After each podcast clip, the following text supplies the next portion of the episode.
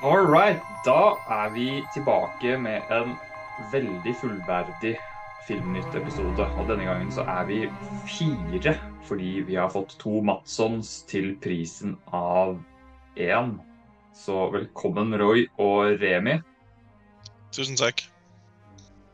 Og selvfølgelig så er jo Emanuel med. Det hadde ikke vært en ordentlig Filmnytt-episode uten deg. Så velkommen som alltid. Tusen takk. Så vi må jo selvfølgelig ha en sånn vanlig, litt sånn kjedelig intro. Det må jo bare gjennom hver gang, hvor jeg gir litt info til eventuelt nye lyttere og seere. Dette er jo Filmnytt, som jeg sa, og det er ganske åpenbart at da handler det om film.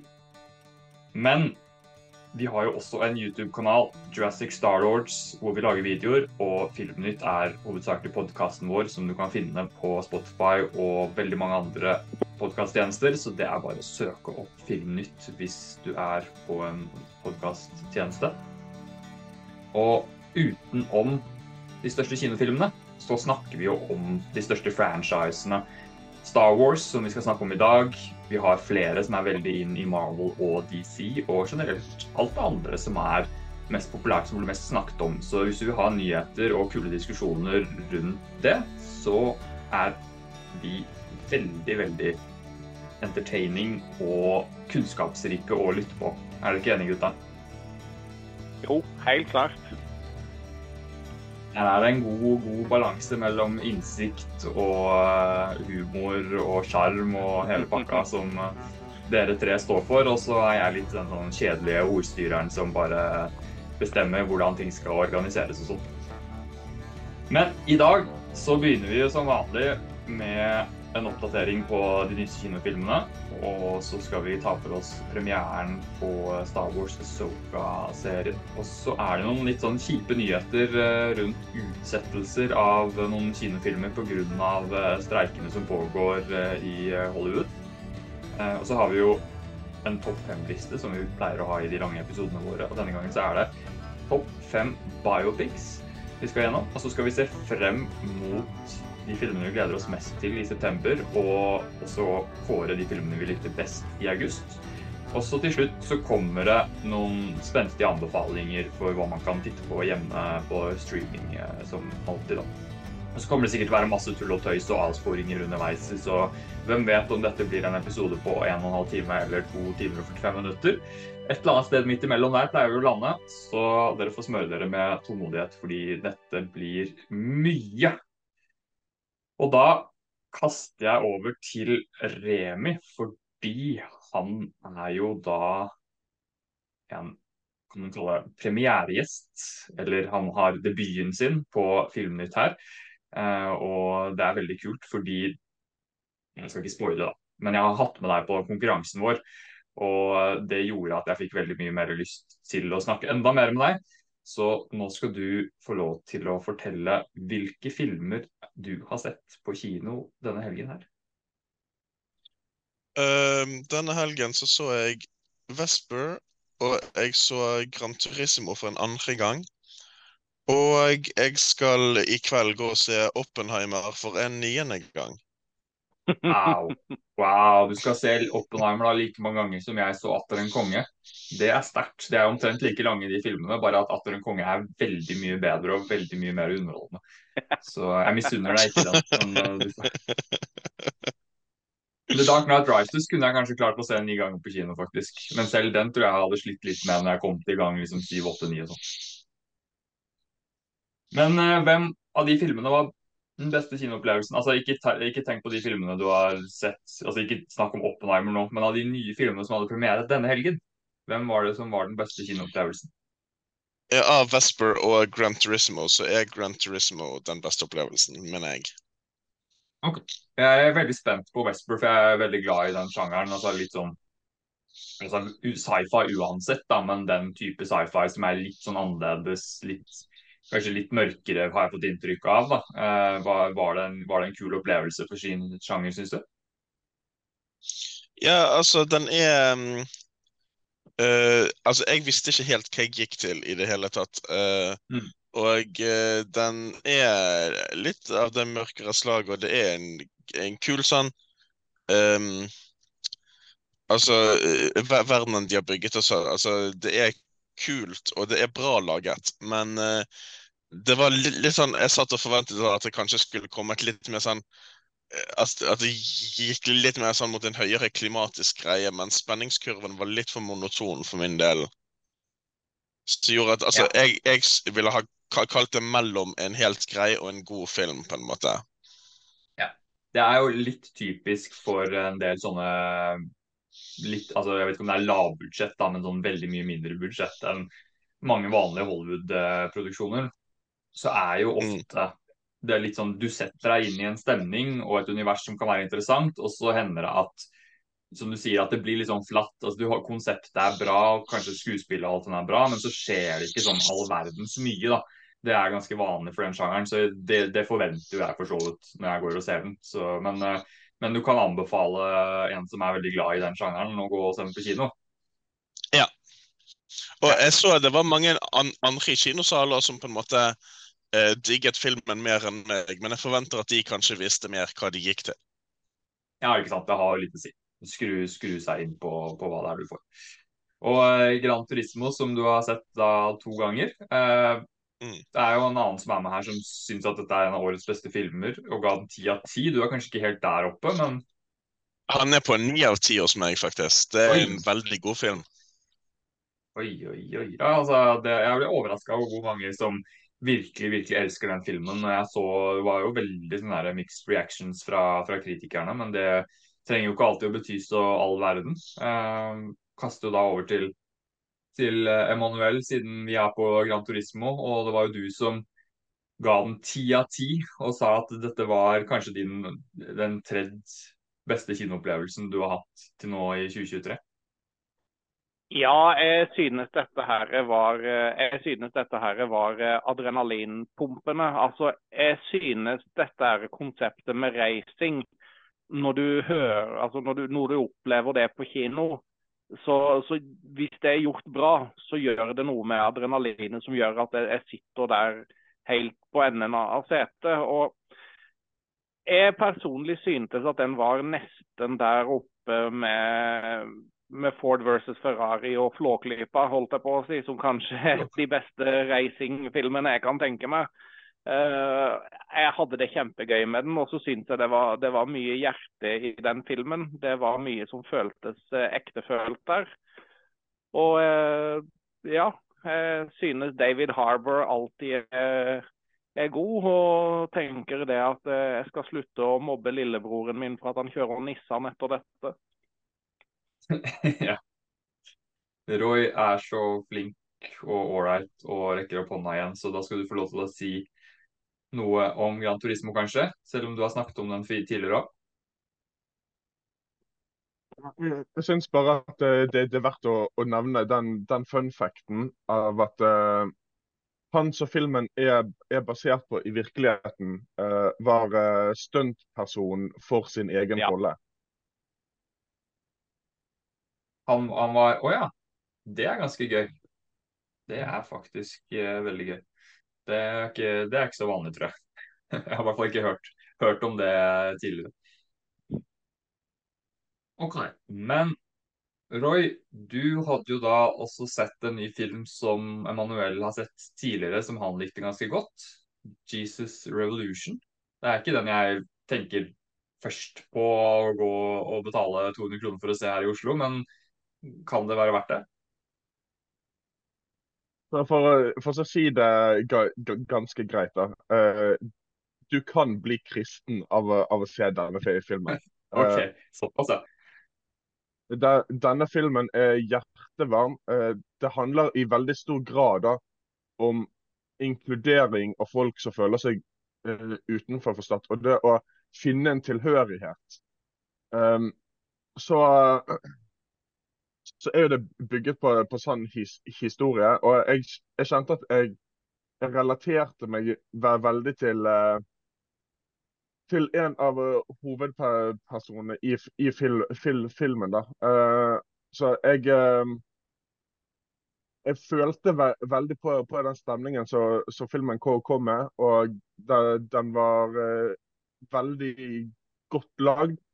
Men det, det, det er på en måte storyen som, som jeg trekker fram som hovedpunktet. For jeg tror at alle kommer til å gå ut med Uansett hvilken religion du tilhører, så tror jeg du kommer til å føle på en slags eh, åndelig varmhet da, at du har sett denne filmen. Ja. ja, men det er jo veldig godt eksempel på hvordan du kan lage en film som i utgangspunktet tar for seg en litt sånn spesifikk eh, tematikk og målgruppe, hvor det er lett å tenke at dette er ikke noe for meg. Men hvis de gjør filmen eh, hjertevarm nok, og at man kan som du sier, overføre dette til noe mer enn bare dette med religion og kristendom, det er jo da filmer virkelig, virkelig funker. ikke sant? Sånn som, eh, Nå tar jeg bare et eksempel fra noe jeg er veldig inne i. Eh, kampsportfilmer. da, Rocky-filmene f.eks. Jeg har jo aldri drevet med boksing og er ikke noe interessert i boksing. Jeg ser aldri boksekamper på TV.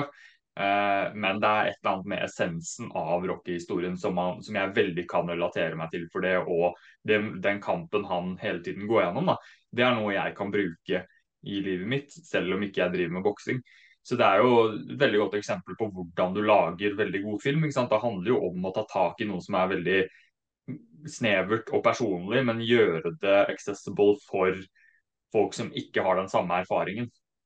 Så det, det høres, høres, jo veldig bra ut. Høres ut som en god film. Ja, du rekker opp hånda igjen, Roy. Så begynte han på en helt unik måte i, i, form av at før filmen begynner, så har de eh, lagd en eh, de har lagd en sånn velkommen-video da, av, av, hun ene bl blondinen som spiller en rolle i filmen. Som på en måte har, har, har lagd en sånn vi, vi, elsket å lage denne filmen, vi håper dere liker den. Uh, type gre greie som kom før, før, filmen begynte. sånn at det da, da følte jeg at de satte stemningen med en gang med på en måte å bevise hvor mye denne betydde for, for de, som gjør at da, da sitter du med de rette for, forventningene i det før filmen begynner. Ja, ikke sant. Det, det høres bra ut. Så da, da, kan jeg faktisk vurdere å, å, se den på kino, selv om det kanskje er andre mer visuelle filmer som frister litt mer. Da. Jeg har jo f.eks. muligheten til å se Gran Turismo på Imax uh, den uh, uka som uh, kommer nå. og der er det jo relativt mye mer ledig enn det det har vært på Barbie og Oppenheimer, så jeg lurer på om ikke jeg skal sette meg der i de godsetene, lenestolene med en uh, stor brus og noe godteri og bare lene meg tilbake ut fra det jeg har hørt, og så se om uh, jeg også er enig i at det er en av årets uh, beste kinoopplevelser. OK. Var det det? Eller var det noen flere filmer nå som jeg hadde glemt? Ja, det var jo selvfølgelig det. Det var jo en skrekkfilm. Det var en skrekkfilm som jeg kanskje glemte fordi den ikke jeg snakket om som, som så fantastisk. Det var Cobweb. Og det var vel bare Roy som hadde sett den, var det sånn? Ja, uh, det her er jo en film som på, på, listen min så endte han på nøyaktig samme pla plassering som uh, Talk to me, bare at det, det, er litt omvendt. da, For på Talk to me så er jo det sånn at verden generelt har likt den veldig godt, og jeg var mer lunken. Mens denne så likte jeg veldig godt, og verden var faen meg lunken. Uh, det handler i stor grad da om en gutt som begynner å, å høre ly, lyder og, og sånn. Og, og, så har han da foreldre. Faren er bl.a. spilt av Anthony Starr, uh, som er homelander i The Boys. Uh, så kan jeg også bare si det at uh, det er mer til, til de foreldrene enn hva du, du først tror. Så Anthony Starr er kanskje litt typecastet i denne rollen. Og De som har sett The Boys, de kommer til å skjønne hva jeg mener. Og de som ikke har sett den, skjønner det ikke. Men uh, tingen som er med filmen, er at det skjer en vending. da, sånn at De som kanskje ikke har likt filmen, følte kanskje litt på at det var to forskjellige filmer som var satt sammen til én. Jeg syns det funket, uh, men jeg kan forstå folk som, som mener at det, det virker litt sånn ukonsist. da. Men jeg, jeg syns absolutt at, at, at, at, det var verdt å se. For jeg, jeg satt med, med, høye skuldre hele filmen igjennom. Men Så det du prøver å fortelle, er at Anthony Starr spiller en veldig snill og hjertevarm familiefar som eh, bare gjør gode og snille ting hele tiden og sånt. Så det, du hadde ikke tenkt å spoile det da, Roy? Det er jo ja. Ja, nå, nå gidder ikke jeg å se det. Nå gidder ikke jeg å se det. Nei da. Antman Lover 94 rekker opp hånda. Um, jeg tror det Roy egentlig forsøker å si, er at i Cobwebs så har han her faren superheltkrefter. Ja, OK. Ja, ok. Ja, er det han, ja, han er super, han er basically en superhelt. OK. Da vet vi det. All right. Før vi går opp på Star Wars. Emanuel hadde visst én kinofilm til. Eh, ja. Eh, dette her er ikke noe jeg ville ha sett i det hele tatt på kino. Jeg kunne godt ha sett det hjemme, men eh, i forbindelse med at det var sånne skeive sørlandsdager, så delte LO Agder ut kinobilletter til de første som kommenterte at de ville ha, og hvilket fagforbund de var medlem av. Så da kommenterte jeg, for jeg tenkte ja, gratis kino, det sier ikke jeg nei til.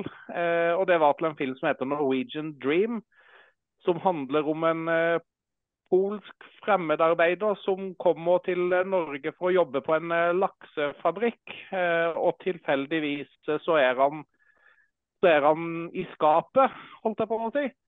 Eh, og det, i den kulturen der så er ikke det så veldig, veldig populært blant andre østeuropeere.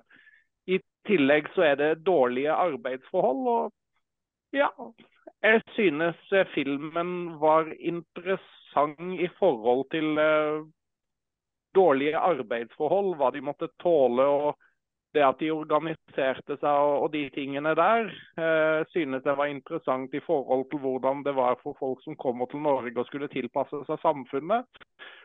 Den der delen med at han var i skapet og, og at han var skeiv, den delen var ikke så interessant. Det føler jeg at jeg har sett før. Men en ålreit film eh, som ikke er helt ny. Den er tilgjengelig på digital kjøp eh, hos bl.a. Viaplay for kjøp og leie nå. Men eh, den kan være kanskje interessant for folk som liker litt sånn. Ikke helt min greie, men jeg satte pris på å ha sett den i hvert fall.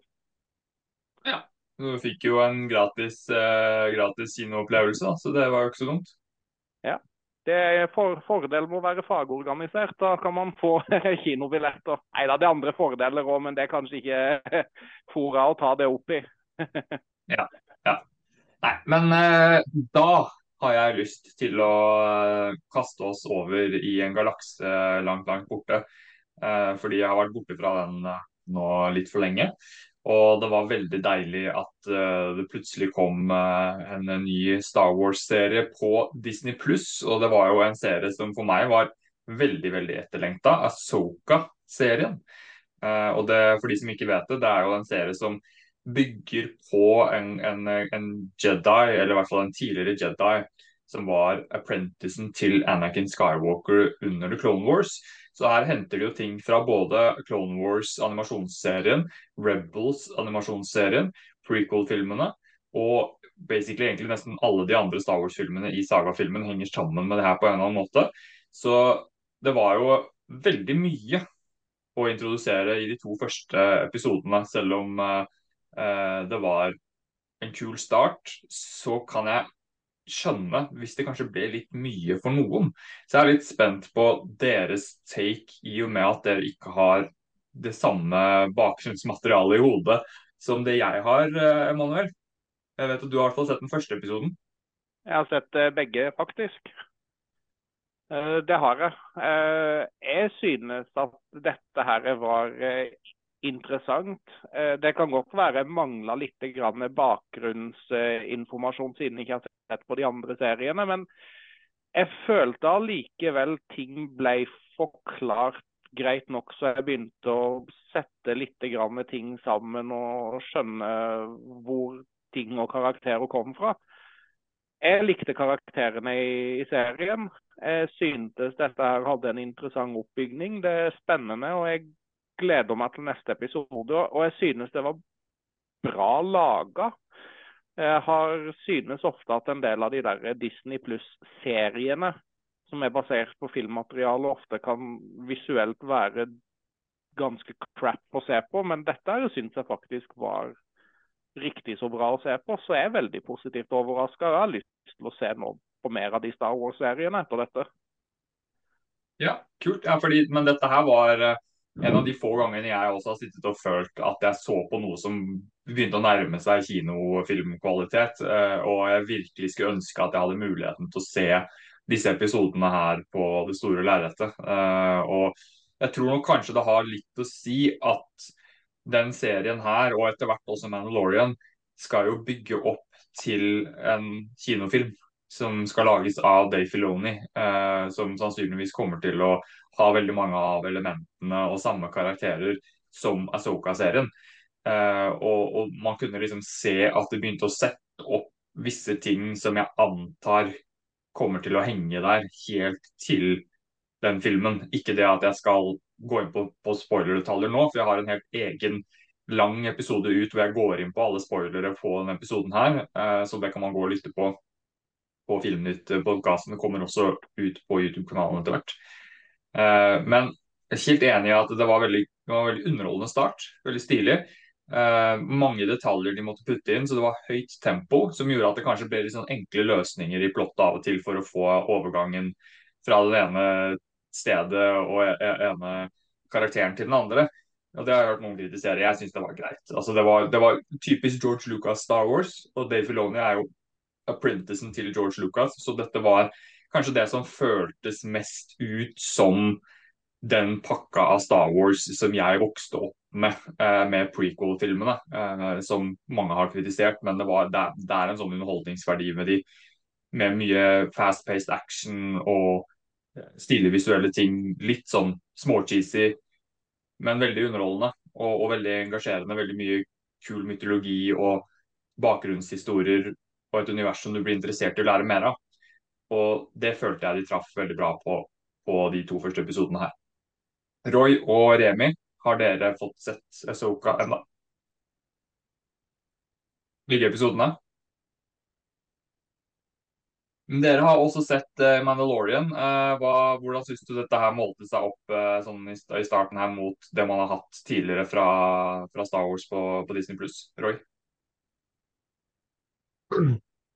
Jeg, jeg syns at det var veldig bra. Jeg, jeg, likte kanskje episode én bedre enn episode to. men jeg syns det var kult å, å kunne se Bare det at første scenen begynner med på en måte en omvendt uh, Phantom Menace og, og lightsaberne kommer ut på hele den pakken. Det føles som det føles som noe som kunne vært i en Stars film, selv om det er en TV-serie. Mm. Og det, det satte jeg skikkelig pris på. Da når det er sagt, så, så kjente jeg litt på i ettertid det, det her med at OK, de har, de har, fått inn en kode. Uh, de vet ikke om dette faktisk er Jedier. Og han tror ikke at det er Jedier. Men he'll allow it. Han bare slipper de på likevel. Jeg, jeg kjente litt på at det er kanskje ikke det smarteste som har skjedd i Star Wars-universet. Men uh, utenom det så, så syns jeg kanskje at um, Shoker virket litt mer sånn Hva skal man si um, Hun virket kanskje litt mer um, tilbaketrukken eller hesitant i forhold til uh, hvordan jeg har opplevd henne i, i Mandalorian. Uh, så jeg, jeg, lurer på om det er noe som vil komme mer fram i, i, i løpet av serien. Og, så regner jeg med at det har noe med Rebels å gjøre, men den har jeg ikke sett. Så jeg skjønte jo det Ezra-rollen uh, har jo gjort et eller annet sånn stort sacrifice-type type greier.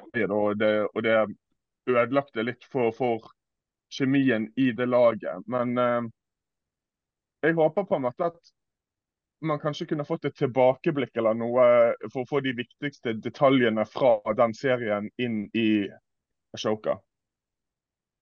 Ja, altså det er jo samme person som lager det her, så du skal jo ikke se bort ifra at han velger å rekonstruere noen klassiske øyeblikk i live action. Det, det er fullt mulig. Så det, det, har vært veldig kult å se. Og jeg har jo sett de episodene. Jeg har ikke sett alt av Rebels, men jeg har sett de to siste sesongene.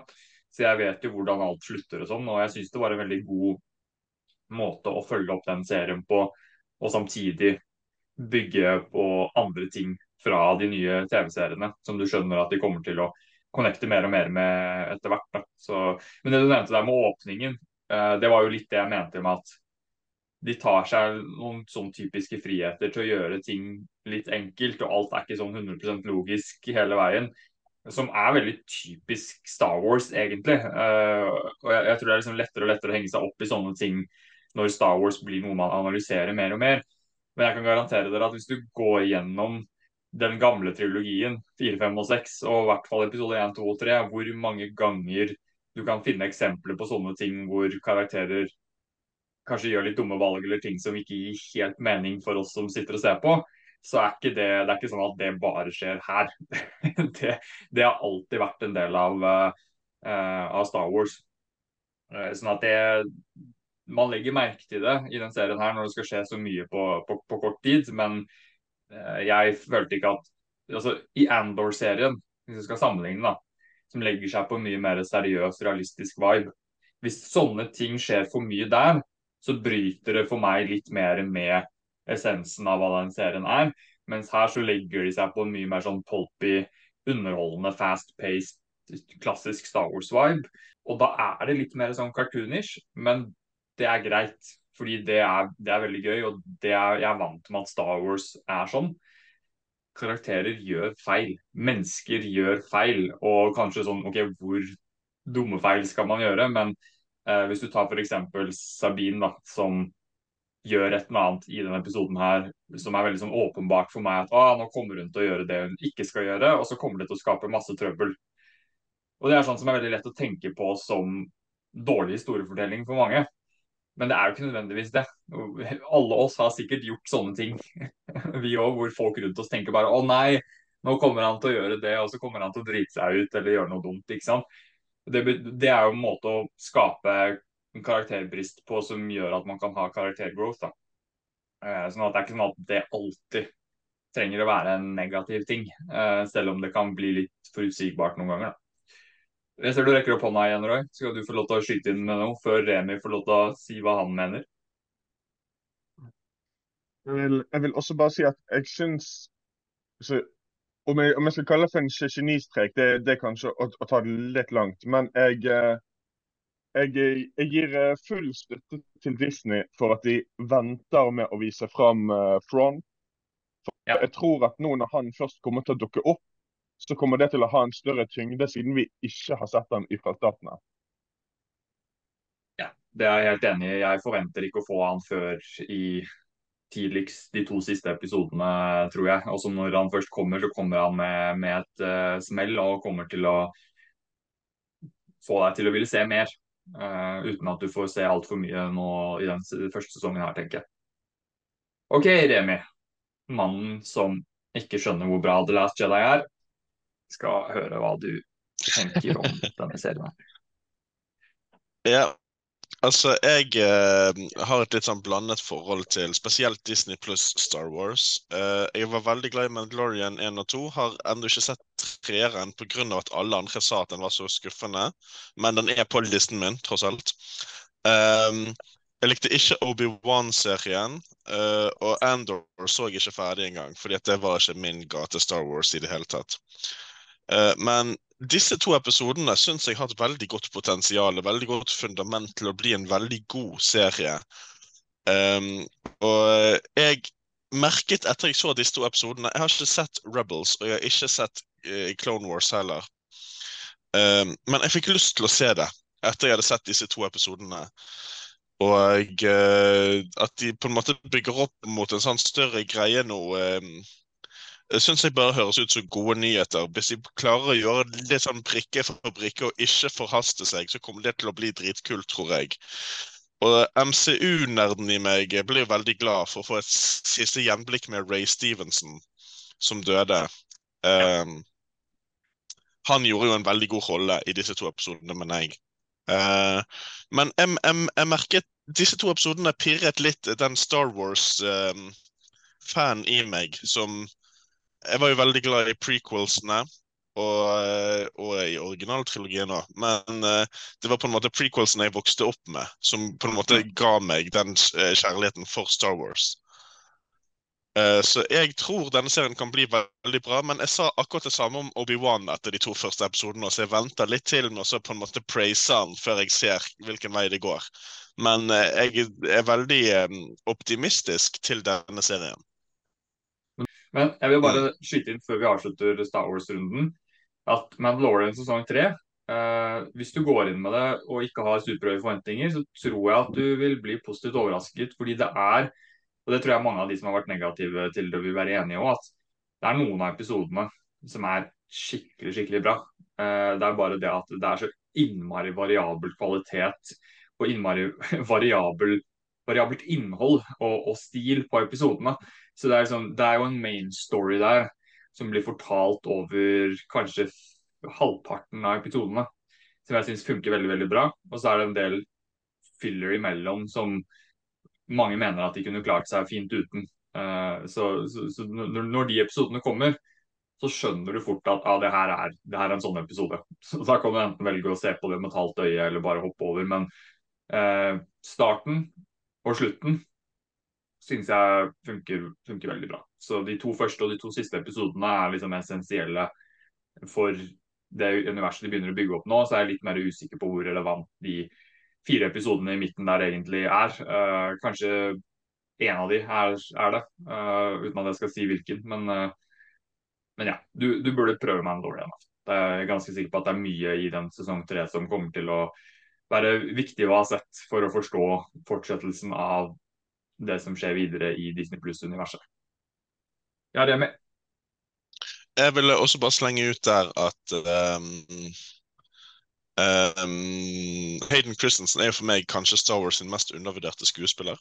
Jeg setter veldig stor pris på han, og jeg syns kanskje de skulle brukt han mer i Obi-Wan også. Uh, men uh, så vil jeg også bare si det, for uh, det er kanskje noen av fansene til Filmnytt som spiller spillet Fortnite. Nå kan man få Asoka som en sånn special quest om sånn 30 dager. Og jeg eh, skal ikke si at jeg eh, eh, også holder på med Emanuel sin tidsmaskin, men jeg callet at det var hun som kom til å komme på det spillet, før hun kom. ja, bra jobba. Roy?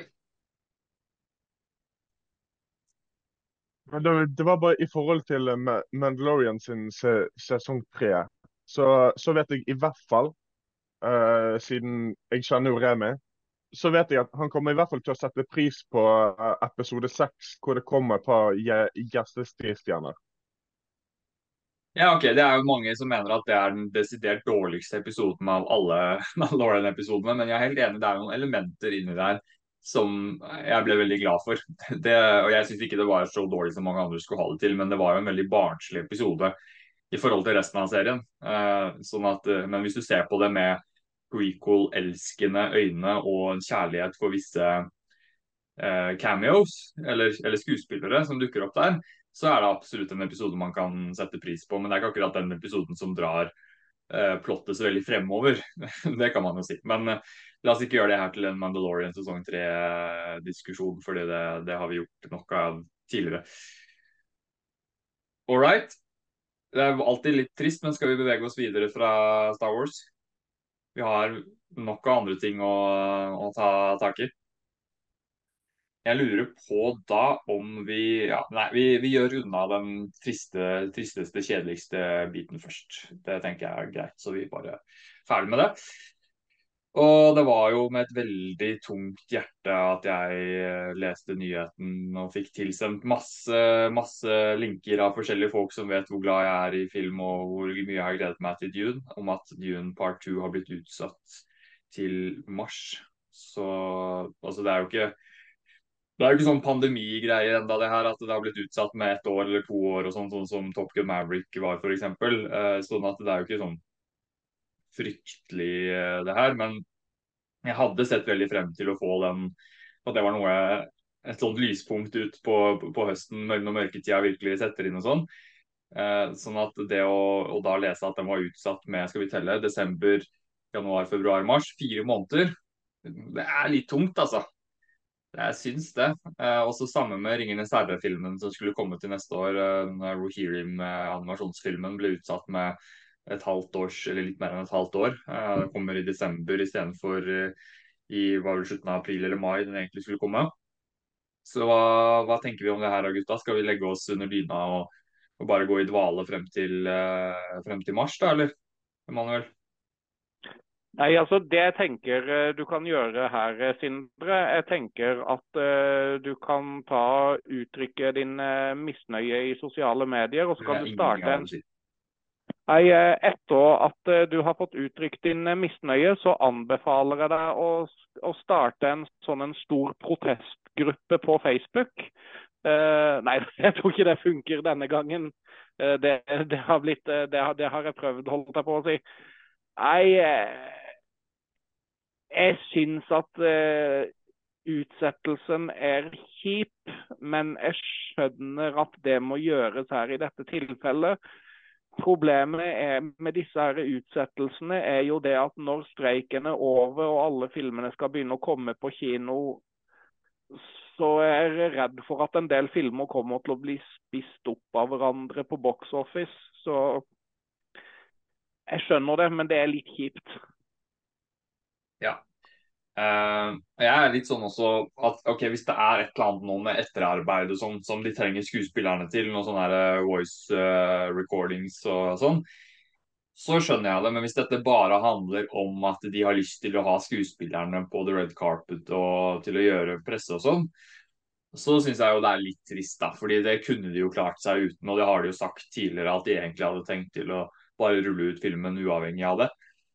Eh, men det får vi kanskje ikke noe 100% klart svar på, på, noen gang, da. Men eh, det er det det er, og fire måneder, det, det, det, får jo gå. Da har vi i hvert fall en skikkelig god film å glede oss til uh, i mars. Så får, får, vi bare skru oss over på det. Men jeg håper ikke altså Hvis det her vedvarer mye nå, så kommer det jo til å fortsette å skje med flere og flere filmer. og Da kan vi jo plutselig som du få en lang periode uten noen storfilmer, og så plutselig så skal alt komme på, på en gang. Altså, la oss håpe de klarer å løse det snart og gi de eh, både skuespillerne og, og manusforfatterne og alt det de, det de fortjener. Roy?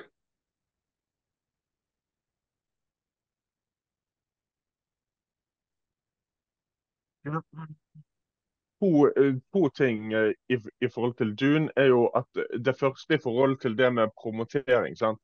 Det her er jo en film hvor du har Austin Butler, du har Timothy Chalamet, du har Florence Pugh, du har Rebecca Ferguson, du har Zendaya, du har uh, Josh Bro Brolin. Sant? Altså, den er så stjernespekket at de kunne sendt én skuespiller til alle talkshowene på samme kveld og, og bare fått massiv PR det er den ene tingen som jeg, som jeg, tenker på. Den andre tingen som jeg tenker på uh, fra den litt mer kyniske siden, er Det kan jo være at de tenker da, at uh, de har større Oscarsjanse, kanskje spesielt på uh, det visuelle, altså effektkategorien i 2024 enn hva de hadde hatt på 2023. Jeg vet ikke.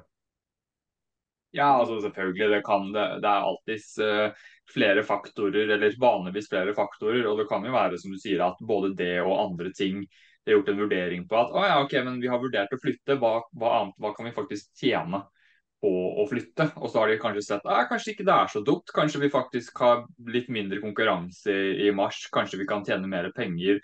Eh, kanskje folk vil være mer utsulta på, på stor kinofilm i den perioden der. Og som du sier, kanskje også Oscar-sjansene neste år ser bedre ut, for det har vært veldig mye god film. Eh, veldig sterkt filmår i år og mange gode blockbustere. Eh, sånn at det, det, er ikke utelukkende det, altså at det kan være en, en medvirkende faktor, absolutt. Eh, Remi, du skal få lov til å følge opp din bror. Uh, ja, det er jo um, den fagorganiserte mannen i meg som på en måte uh, godtar at uh, utsettelser må skje uh, for at streiken skal få gå sin gang. Um, for jeg syns at uh, det er en viktig streik vi står oppe i nå, oss filmelskere. Og vi må tåle den kjipe del av det. Fordi at jo mer jeg setter meg inn i denne saken, jo mer skjønner jeg at den streiken måtte komme. Um, jeg hørte jo f.eks. at eh, filmstudioer ville kjøpe opp statister sitt eh, fjes og bruke AI-genererte bilder av de for hele sin livstid for en billig penge. Og eh, folk har blitt sånn urettferdig behandlet i over lengre tid. Og da tenker jeg at eh, streiken er eh, på en måte eh, gyldig fravær fra filmene, tenker jeg. Uh, men selvfølgelig så er det kjipt hvis du har gledet deg til en film kjempelenge. Sånn som for eksempel så blir også noen av Marvel-filmene utsatt, og det står kanskje mitt hjerte nærmere enn f.eks. June. Jeg er jo en av de som ikke var så veldig fan av eneren. Uh, men jeg kommer selvfølgelig til å se toeren. Uh, men at den ble utsatt, merket ikke jeg så mye på som kanskje andre prosjekter som jeg har gledet meg veldig til. Men på den måten også skjønner jeg folk som har gledet seg veldig til den og uh, at det, det, er kjipt. Men jeg tenker jo det Også har jeg hørt at filmstudioene har mer den approachen at la oss bare vente ut streiken, og så gjør de ingenting med det. Jeg tenker at vi må kanskje nå snart um, de må skjønne alvoret i det. At de, de, må rett og slett gi bedre rettigheter til både skrivere og til skuespillere og til alle som er bak eh, kamera. Og um, Eh, fordi at jeg, jeg, tror vi nå står på et eh, vendepunkt på hvordan filmlaging kommer til å gå fremover. Og at hvis ikke denne streiken blir hørt skikkelig, så jeg tror vi kommer til å kvaliteten kommer til å minke, er min eh, spådom til det. Men at det er kjipt med utsettelser, det er helt klart. Men jeg godtar det, på en måte. Ja, ja, ja. Og det gjør jo jeg også. Jeg bare syns det er synd at de skal utsette ting som Dune som etter min forståelse egentlig er ready to go, uh, som er ferdig. Og da handler det egentlig, sånn som jeg har tolket det, om en litt mer sånn kynisk greie fra studios side om at å ja, ok, men hvis vi venter til vi, vi tror vi har skuespillerne tilbake på, på, på, plass til å gjøre promotering, så vil vi kanskje tjene litt mer penger. Og det, jeg skjønner jo at det er jo jobben til studioene å tenke sånn, uh, men, men jeg, er mye, mye mer aksept for de filmene som ikke får gått ordentlig i produksjonen eller ikke fullført produksjonen fordi skuespillerne streiker. Det her er jo ikke en film som de hadde nødvendigvis trengt skuespillerne for å, for å release. Sånn som jeg har tolket det nå, så har de gjort arbeidet sitt. Så, så Derfor så syns jeg det var litt teit, fordi de hadde allerede kommet ut og sagt, noen som jobber i Warner Brothers, at det skal ekstremt mye til for at de, de utsetter uh, Dune. Uh, fordi den er, den er basically ferdig. Og så ender de opp med å gjøre det allikevel. Så det, det, det syns jeg er dumt. Men uh, vi får jo bare se hva som skjer etter hvert. Og uh, jeg håper, som, som, du sier, at studiene skjønner alvoret. Fordi de, de, taper jo voldsomt mye penger på det her uh, hvis det her fortsetter mye lenger. sånn at de, de, kan jo ikke bare sitte, sitte og gjøre ingenting, liksom. Det, det er ikke holdbart. JBL raised his hand.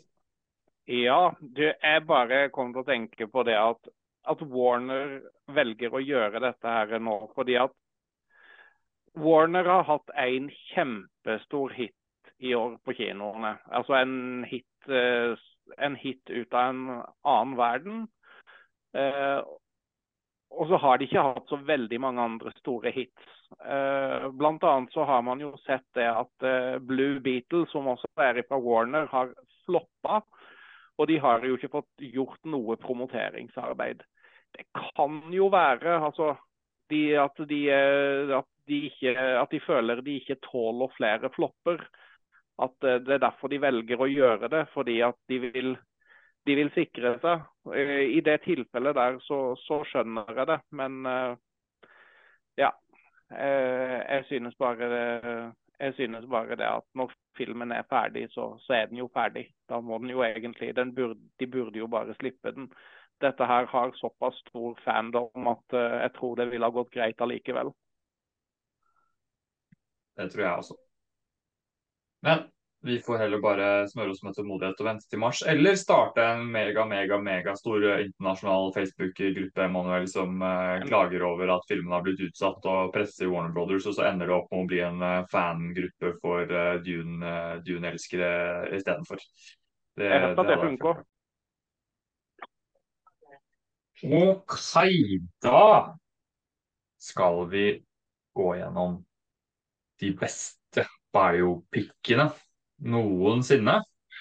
Og vi har jo diskutert mellom oss en del hva som klassifiseres som en biopic. Og vi har jo blitt enige til en viss grad om at hvis man syns selv det er en biopic, så kan man ha det med, men, men noen kriterier har vi jo hatt. da. Det skal jo i hvert fall handle om spesifikke personer, og ikke bare en stor hendelse.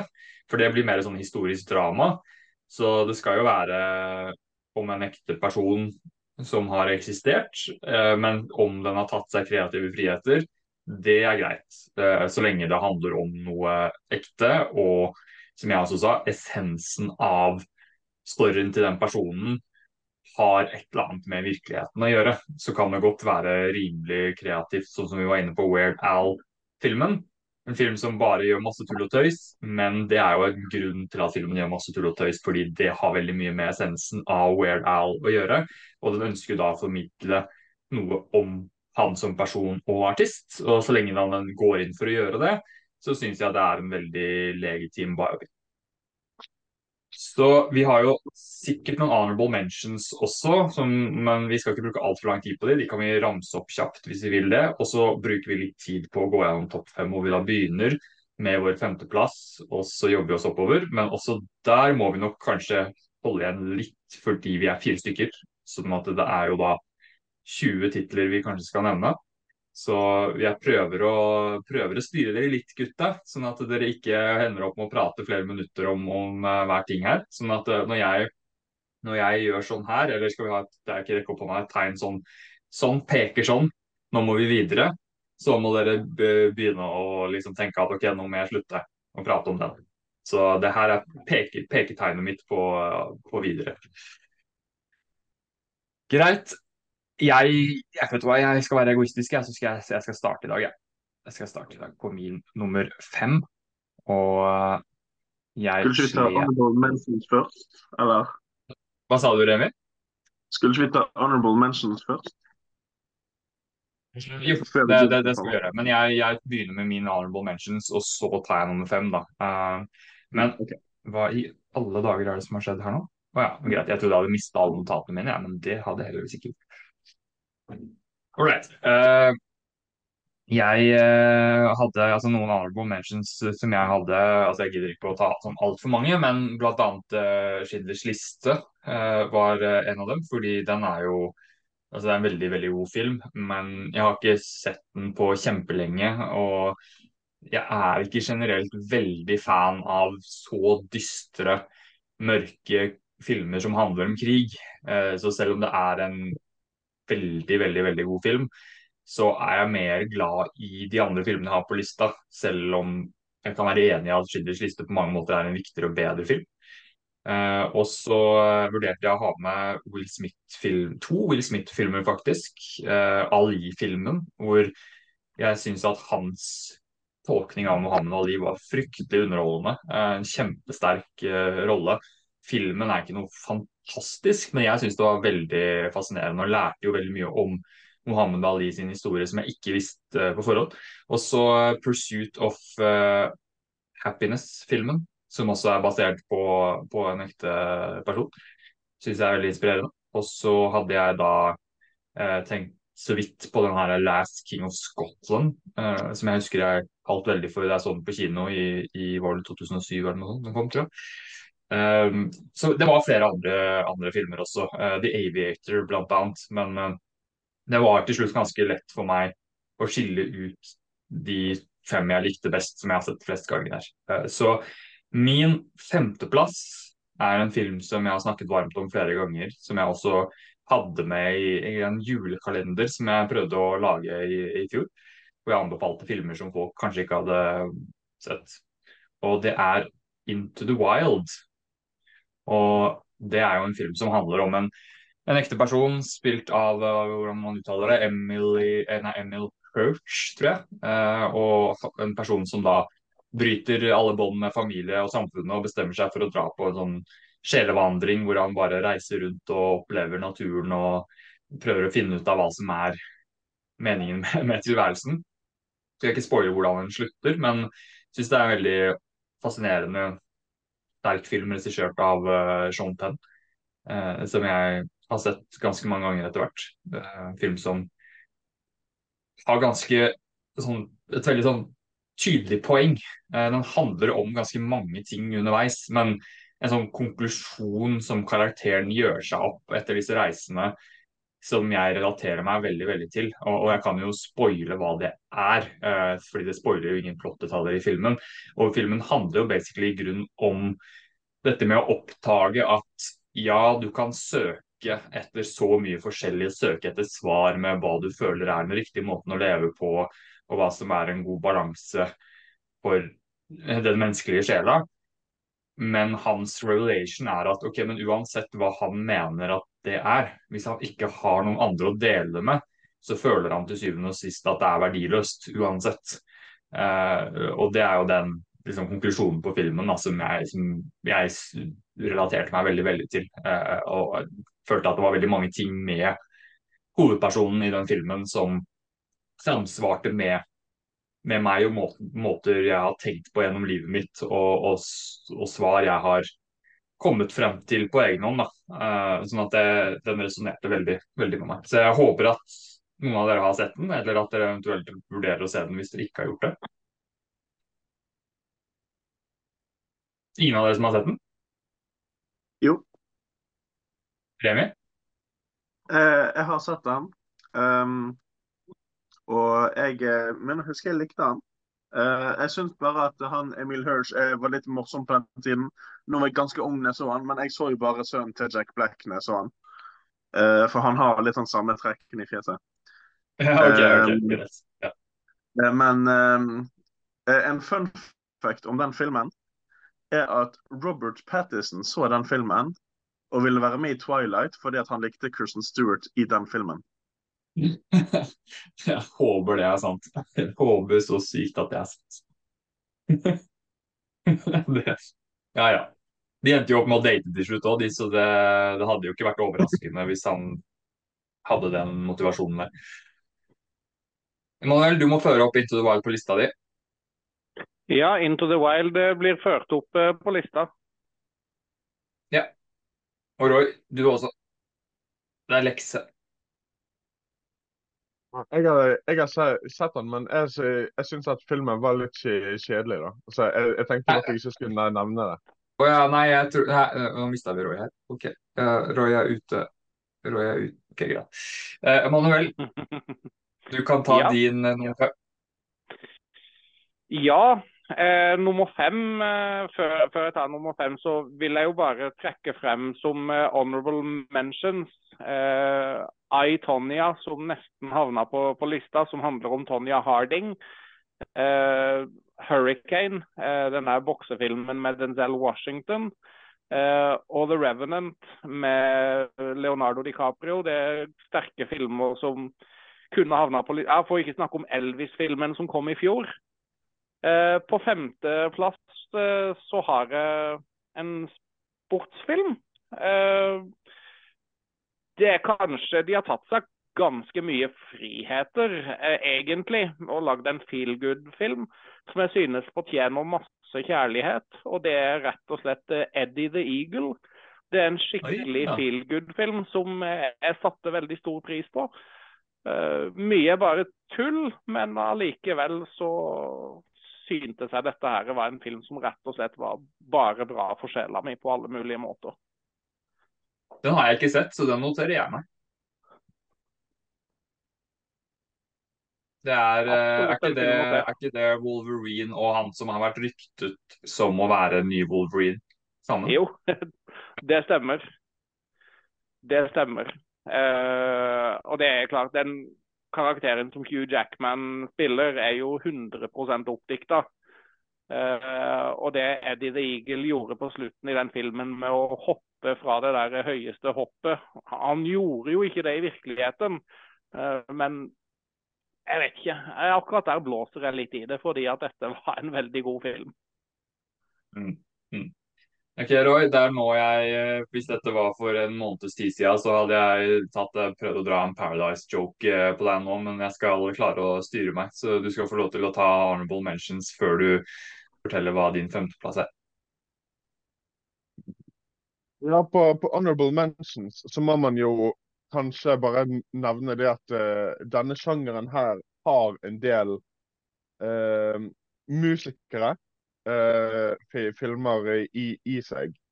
Eh, ikke, ikke mange av de som, som kom seg på, på topp fem, men honorable mentions kunne vært Rocketman, eh, Bohemian Rhapsody bør bør nevnes. Um, Walk the Line. Eh, og så har, har du en, en del eh, andre filmer òg. Sportsfilmer. Remember the, the Titans uh, kommer ikke på listen, men det er en film som folk bør se. Um, og så um, Ja, eh, av, eh, av honorable mention så lurer jeg på om jeg stopper der. Og så går jeg videre på femteplassen min. Uh, litt kontroversiell femteplass. Men da har jeg Weird The Al Jankovic Story, som er en, eh, en, en, en film som gjør litt narr av uh, biopic-sjangeren. Um, det er da altså storyen som Weird Al har lagd om livet sitt. Og Grunnen for at jeg sier at han gjør narr av det, er siden det begynner veldig i biopic-sjangeren. Uh, og så, så skjønner du jo sånn halvveis ute i filmen at, uh, at dette her er i det fiktive la la- landskapet. For når, når det ender med at Weird Al må ned i jungelen som Rambo for å redde Madonna fra eh, gangstere i jungelen, så, så skjønner jo du at det her ikke er basert på, eh, på sånne, eh, på sånne hen, hen, hen, hen, hendelser. Eh, men det, det, det er en veldig gøy film. Veldig, veldig bra film. Eh, men siden den, eh, den tar såpass mye fiktivitet inn i, i seg, så, så kan den ikke ha en høyere enn en fe- femteplass. Nei, det er veldig gøy at du har med den, fordi jeg kan egentlig nevne det når jeg hadde tenkt til å ha det som en sånn bitte liten ting jeg nevnte mot slutten av episoden, at den filmen snart er tilgjengelig på, eh, på hvert fall så den skulle være tilgjengelig på, på Blu-ray og DVD og sånn. Eh, I hvert, hvert fall internasjonalt, jeg er litt usikker på med, med Norge, da. Men uh, jeg så reklame for den uh, på et par uh, nettsider, og jeg har ikke sett den ennå. Så jeg har veldig veldig lyst til å se den. Men jeg vet om det går an å streame den noe sted nå? Eh, jeg skal nå eh, skyte meg sjøl i foten og, og si det såpass ærlig som at jeg nedlastet den ulovlig. Og det, og det synes jeg er greit når man ikke har noen andre form for muligheter å se en film på. Ja, ja, altså jeg kan skjønne det når en film har vært ute veldig veldig lenge, mange steder, og så av en eller annen grunn så klarer du ikke å få tak i den sjøl, og de har ikke gjort den tilgjengelig for deg. Da har du i hvert fall vært innstilt på at du skal betale for den. Eh, men, eh, men jeg eh, altså jeg endte jo ikke opp med å gjøre det, men jeg hadde nok gjort det med Rocky 4 Directors Cut, fordi den kom november 2021, eh, tror jeg det var, i, eh, i store deler av verden, i hvert fall Vesten, USA og, og Storbritannia og sånn. Eh, og så tenkte jeg ok, men da går det sikkert litt tid, og så kommer den i Norge. Og så ventet jeg litt i overkant av ett år, og det var fortsatt ikke mulig å få tak i den på noen som helst måte i Norge. Og da var jeg på nippet til å tenke at jeg kunne skaffe den på andre måter, men så oppdaget jeg at hele filmen lå på YouTube, bare delt opp i, i sekvenser. da. Så jeg kan kjenne meg igjen i den frustra frustrasjonen der. Og jeg er enig i at det er litt mer innafor hvis du i hvert fall har prøvd å finne alle mulige lovlige måter, og du, har, du skjønner at bare OK, det her, den her kommer jo, kom jo aldri ut, virker det som. Så, så ja, du skal Jeg skal ikke dømme deg for hardt for den. Remi? Jeg vil også bare, nå når vi er inne på Weird Al, uh, den er jo blant mine honorable mentions også, men det skal vi begynne på etterpå. Uh, men eh, jeg vil bare si det til folk som ser han, som ikke har sett han, for at det er en scene hvor det er en eh, musikk, ikke produsenter, men en som skal distributere med en record deal med Weird Al. Og det er faktisk Ja. Weird Al selv som spiller der. Og eh, bare, Jeg vil bare folk skal legge merke til at når de snakker stygt om Weird Al i filmen, se hvor såret han blir i den scenen. For det, det er kjempegøy. Det, bare vit når du ser den scenen at han som sitter bak pulten, det er han ekte weirdo. OK, det skal, jeg, det skal jeg huske. Men kjør på du, Remi, med dine honorable mentions og din nummer fem. Ja, jeg våknet opp i morges og gikk gjennom biopic-sjangeren i sin helhet. eh, Og jeg tenkte jeg, skal ikke snakke om sånn Schindlers liste, for jeg har ikke sett den, eller andre filmer som jeg har hørt veldig eh, høyt om, som jeg ikke har sett. De har jeg ikke lov å touche, mener jeg. Uh, Jeg endte opp med å ha 44 filmer som jeg hadde sett. Og jeg, uh, da uh, valgte jeg ut 11 av de som er honorable mentions. Og da kommer jeg bare til å si tittelen, og så vet alle som hører på at jeg anbefaler dere å se disse. Og det er Chapter 27, Extremely Wicked, Shockingly Evil and Vile, Cannibal the Musical, Snowden, Blond, Backbeat, Goodfellas, The Social Network, Elvis, Weird, The Al Yankovic Story og Walk Hard, The Dewey Cox Story. Uh, Så alle de anbefaler jeg alle å se. Uh, derfor faller de på honorable mentions. Men min femteplass er en relativt ny film som vi faktisk har snakket om i denne episoden. Det er nemlig Gran Turismo. Eh, som eh, helt klart kommer blant de toppfilmer for meg dette året. Og jeg hadde ikke tatt han med på listen hvis ikke bare for at eh, jeg hørte at det var lov å ta han med, siden han handler såpass mye om han som kjører bilen. Eh, fordi at det slår ikke meg med en gang som en eh, bi- eh, sånn biopic-film. Men jo mer jeg tenkte over det, jo mer jeg er enig i at det er jo kanskje det. Eh, Så på min femteplass så kommer årets Gran Turismo-film. Ja. Jeg må bare arrestere både deg og Roy litt, for jeg har hørt flere ganger at dere legger inn en ekstra i. Når dere sier Gran Turismo, så sier dere Gran Turissimo. Ja, vet du hva? Jeg eh, er enig med deg i det, men min far spilte spillet, og han sa alltid Gran Turismo. Eh, Så jeg har gått i 29 år og trodd at det er det det heter. Da må, du bare, må du bare fortsette med det. Da må du bare fortsette med det. det er greit. Det er det samme som at jeg, jeg, jeg klarer ikke å si Bon Jovi, jeg sier alltid Bon Jovi. Ja. ja, men hvis man har sånne greier, det, det bare gir deg litt mer karakter, da. Hvis du har noen sånne quirks på ting man sier. Ok, da tar jeg min nummer fire, og her er en film som jeg egentlig har vært så glad i uh, tidligere i livet mitt at jeg eh, nesten kunne hatt den på førsteplass, men altså den er ikke en god nok film egentlig til å være så høyt oppe, sånn at jeg måtte ha den litt lavere på, på lista. Uh, og det er en film som handler om en komiker, Andy Coffman. Vet dere hvilken film jeg snakker om da? Ja, ja. Man, Man on the Moon. Ja, den filmen er jeg så glad i. Eh, og jeg hadde jo en lang periode i barndommen og tidlig ungdomstida hvor Jim Carrey kanskje var min favorittskuespiller. Ikke like fan av han nå, for han har jo mye barnslig humor og sånn. Men i den filmen der så syns jeg han bringer fram så mye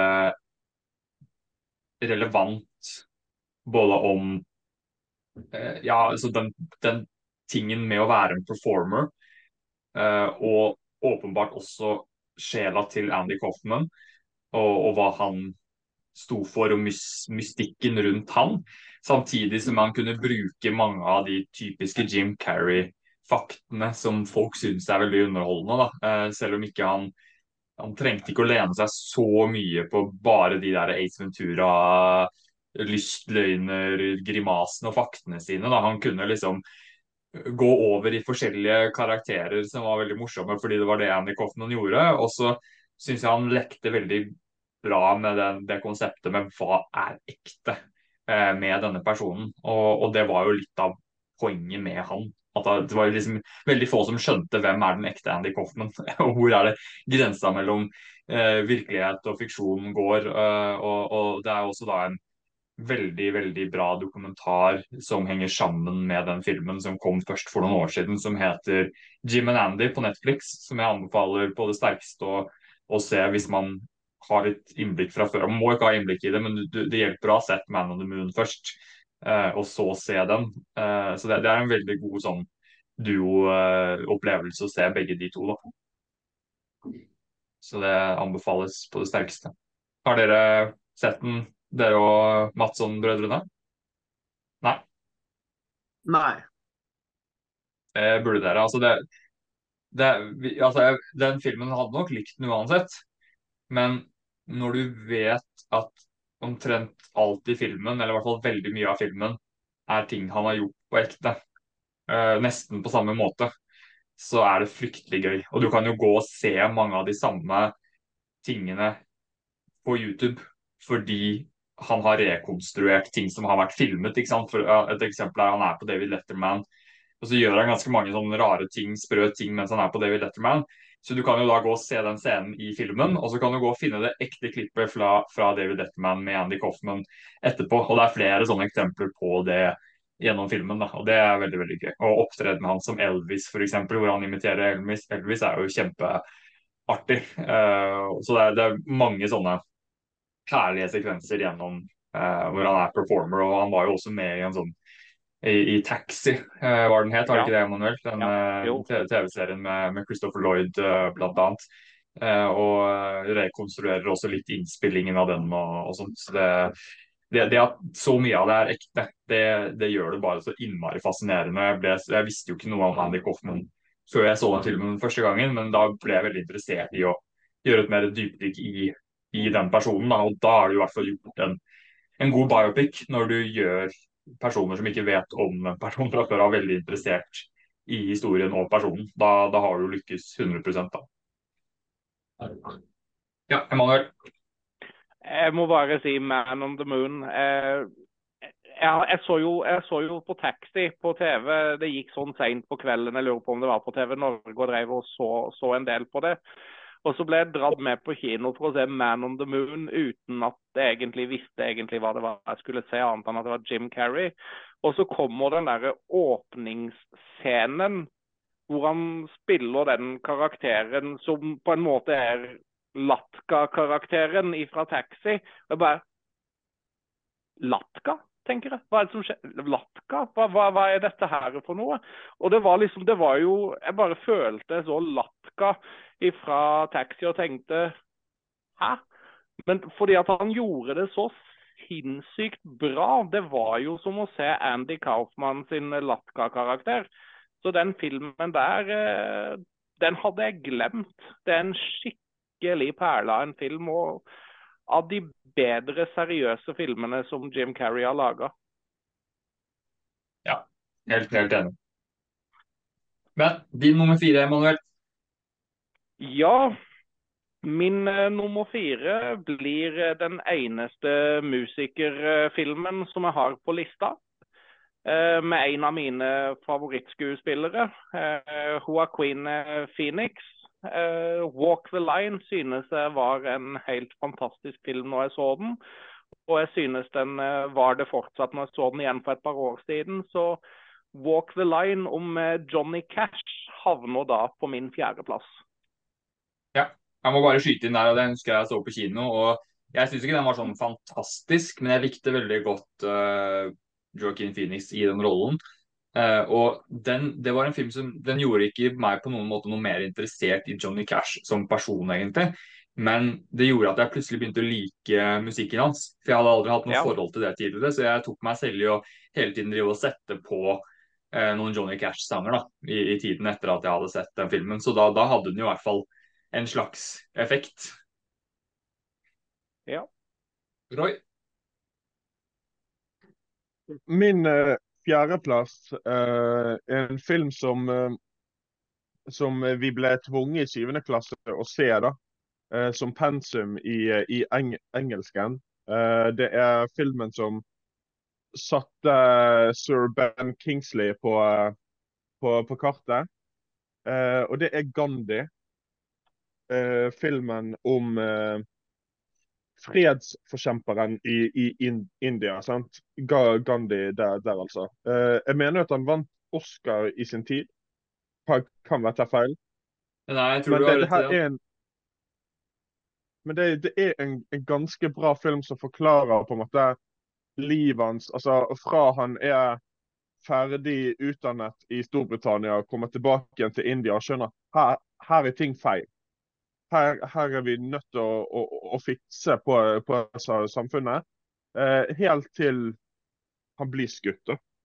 Um, og jeg, eh, jeg syns at denne filmen klarer for meg å på en måte bry meg om livet til Gandhi på en mye større grad enn hva noen som helst bøker eller TV-spesialer hadde, hadde gjort. Så, sånn at um, Jeg syns at det skulle vært lagd flere filmer som, som Gandhi, som på en måte gjør uh, at ting som man trenger å lære om, blir underholdende og, og, og, lett å følge med, med på. da. Så fjerdeplassen min går til Gandhi. Ja, og bare en liten sånn fun fact-spørsmål. Uh, vet du hvem som har uh, regissert uh, filmen? Han en, en, som også er skuespiller, som spiller en, en, ganske, eller relativt kjent rolle i, i en Steven Spielberg-film. Nei. Det er sir Richard Attenborough som spiller John Hammond, altså skaperen av Jurassic Park. Som, han som liksom lager selve dinosaurusparken i, i Jurassic Park.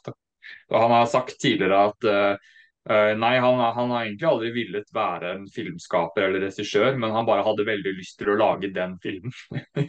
så det er ganske godt gjort av en som egentlig ikke aktivt har prøvd å være filmskaper og, og har egentlig ikke laget så fryktelig mye, og klarer å lage et, en film som gjør det så bra og som vinner Oscar. det, det er ganske sprøtt. Bare, jeg ville bare lage en film, jeg. Og så skulle jeg gjøre noe annet igjen. så det, det, det traff han jo ganske bra på. Remi, it is you. Eh, da kommer jeg til å komme med min eh, nummer fire, og det er faktisk en Netflix-film. Eh, som jeg eh, ikke hadde tenkt så mye på før jeg gikk gjennom en liste over hva er egentlig biopics-filmer. Eh, det handler om en som skriver Broadway-musikaler. Og hvis du blander Andrew Garfield sammen med mm. Linn Manuel Miranda sin første regissørdebut, så har du Tick Tick Boom. Ja, nydelig. Og uh, den uh, Jeg klarer ikke å se på den uten å bli helt rørt til tårene. Uh, det er en helt fantastisk film. Og så Hvis du ikke har sett den, så må du bare se den. og handler det om han som skrev musikalen Rent. Og eh, tiden hans til å bli en anerkjent eh, skribent innenfor det miljøet. Nydelig film. Ja. Jeg har sett halvparten cirka. jeg må se resten. Det var ikke fordi jeg syntes det var dårlig, men eh, var jeg og kjæresten min satt og så på den en gang hvor eh, vi egentlig var litt ufokuserte. Og så skjønte vi etter hvert at nå klarer vi ikke å få med oss filmen. Så da satte vi den på pause halvveis, og så har jeg egentlig aldri fått plukka den opp igjen. Men uh, den var veldig bra håndverk, den, det jeg så i hvert fall. Så den burde jo få bare satt den på og sett resten. Ok, da er vi tilbake på meg igjen, da. Min uh, nummer tre. Og der har jeg Skal vi se, hvis ikke jeg surrer nå, nå må jeg bare finne opp lista mi her.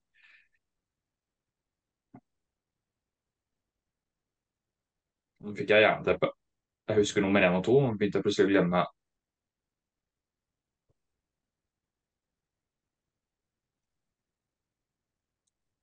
Der, ja. Der har jeg Logan. Wolverine-filmen. Nei da. Uh, jeg har Catch Me If You Can. Jeg måtte jo få inn en Steven Spielberg-film her når jeg ikke hadde Schindlers liste. Så ble det Catch Me If You Can, som er jo en fryktelig underholdende film, syns jeg. Som også er veldig fascinerende å se når du vet at uh, dette er en ekte person som har gjort en del av disse tingene. Han har nok tatt seg noen kreative friheter, men uh, veldig velregissert, uh, velspilt film med Leonardo DiCaprio og Tom Hanks, som har en utrolig god dynamikk og kjemi mellom seg. og musikk av John Williams, som jeg har hørt igjen og igjen. og Rett og slett en veldig sånn kul karakterreise med, med veldig mye sjarm og, og, spenning hele veien. Så den uh, fortjente uh, en, en, plass her. Jeg hadde egentlig helt glemt at det var en, basert på en sann historie som en ekte person. Dere har sett den alle sammen, håper jeg? Ja. Roy? Catch me if you can? Du likte den ikke så godt? Nei, er lov, det. Sier vi. OK. Jeg vil bare si at uh, er en av de filmene som jeg uh, ikke har sett, og derfor ikke kunne vurdere. All right, Emanuel. Det er deg. Ja.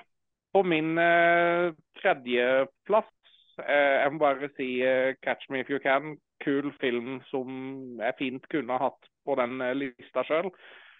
men på tredjeplass så har jeg lagt inn den ferskeste filmen jeg har sett. Vi har sagt nok om den i løpet av denne innspillinga, men det er Gran Turismo som jeg har på, på min tredjeplass. Gran Turismo. En ekstra i. Du glemte det. Gran Turisimo. ja. Nå er det den, det den heter. Vi sier, vi sier det sånn.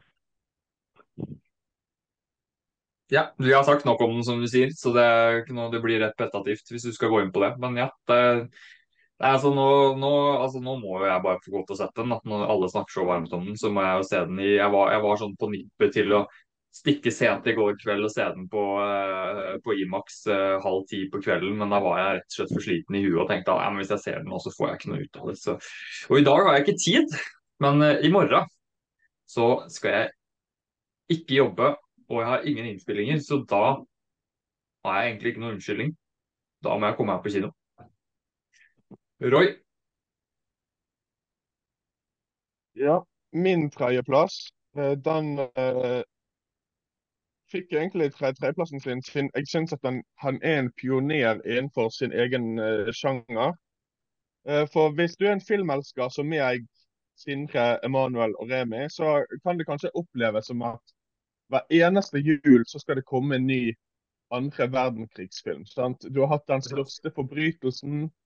Du har, du har Konvoi kommer i år. Du hadde Narvik i, i fjor. sant? Men det hele begynte jo med Max Manus. Mm. Eh, ja. Det var da jeg, jeg, følte at, det var da jeg følte at, uh, at Norge for, for, alvor gikk inn på, på sjangeren som er andre ver, ver, ver, verdenskrigsfilmer. Um, og denne filmen var jo faktisk såpass bra at uh, ungdomsskolen min bestemte seg for å ta hele klassen inn i kinosalen og se den sammen der. En, en veldig bra film som forklarer på en måte livet til Max Manus. Eh, egentlig både under krigen og så vel etter krig, krigen, om hvordan han opplevde eh, sånn posttraumatisk sy sy syndrom når, mm. når, krigen var, var, ferdig. Og jeg vil vel kanskje slå et slag for at dette er Aksel Hennie sin beste rolle. Ja, ja, og det, jeg husker også jeg så den på kino på premieren og, og syntes det var en veldig bra, bra norsk film. Uh, og, men, men, som du sier, så har nok kanskje ettervirkningene vært at, at det har ført til en sånn bølge av, uh, av litt sånn oversaturation uh, av norske, norske krigsfilmer. Samme, litt samme som med superhelt sjangeren i, i, Hollywood, hvor ikke det at jeg klager over det egentlig, men når du liksom først fikk i gang med, med MCU med, med Iron Man og, og det funka, så skulle det bare lages mer og mer fra, fra forskjellige studioer hele tiden. Da. Uh, så jeg føler nesten litt at, at krigsfilm har blitt Norges, uh, Norge, norsk filmbransje sin versjon av, uh, av superheltfilmene i, i, Amerika. Da. så jeg, jeg, håper at at, ikke at vi trenger å slutte med det, men at vi kan kanskje variere litt hva vi putter de store penga inn i. fordi det har nok sikkert litt med at det ikke er min favorittsjanger, men det er ganske mye annet vi kan lage film om enn andre verdenskrig. og, og, når det er liksom den ene tingen som vi tar igjen og igjen, så er det litt kjedelig til slutt. Da vi har jo, altså I USA, når de lager krigsfilmer, så har de i hvert fall flere kriger å ta enn bare andre verdenskrig. Da. Men uh, kan vi ikke lage en vikingkrigsfilm f.eks.? Sånn skikkelig episk vikingkrigsfilm. Det hadde jo hele verden villet se, liksom. Det hadde jo vært kjempe, det hadde sikkert slått an kjempemye sånn internasjonalt. Må lage film om Fevikslaget. Hva sa du? Må lage film om Fevikslaget. jeg, hørte, jeg hørte ikke hva du sa nå, egentlig. Om et eller annet slag? Fevikslaget. Bare søk opp på YouTube, så finner du Fevikslaget. Det, det er så kleint. OK, det skal jeg gjøre. Men eh, nå må jeg uh, tisse, og så starter vi et nytt møte.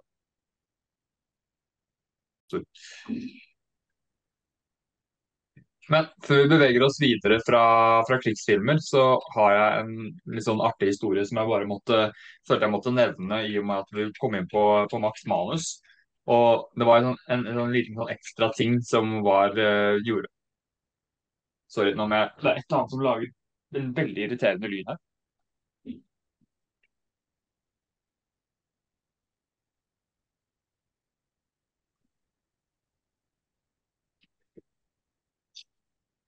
Det var et eller annet, et eller annet som kom fra gjennomtrekk, Det var så irriterende lyd at jeg ikke klarte å ignorere det. Ja, nei, fordi uh, farfaren min han, han, døde jo lenge før jeg ble født. Men han var jobbet for Max Manus. Uh, og, og, var basically en av de som skulle drive og, og være med å knerte flere av de uh, tyske lederne, offiserene og, og kommandantene og sånn som var i Norge. da.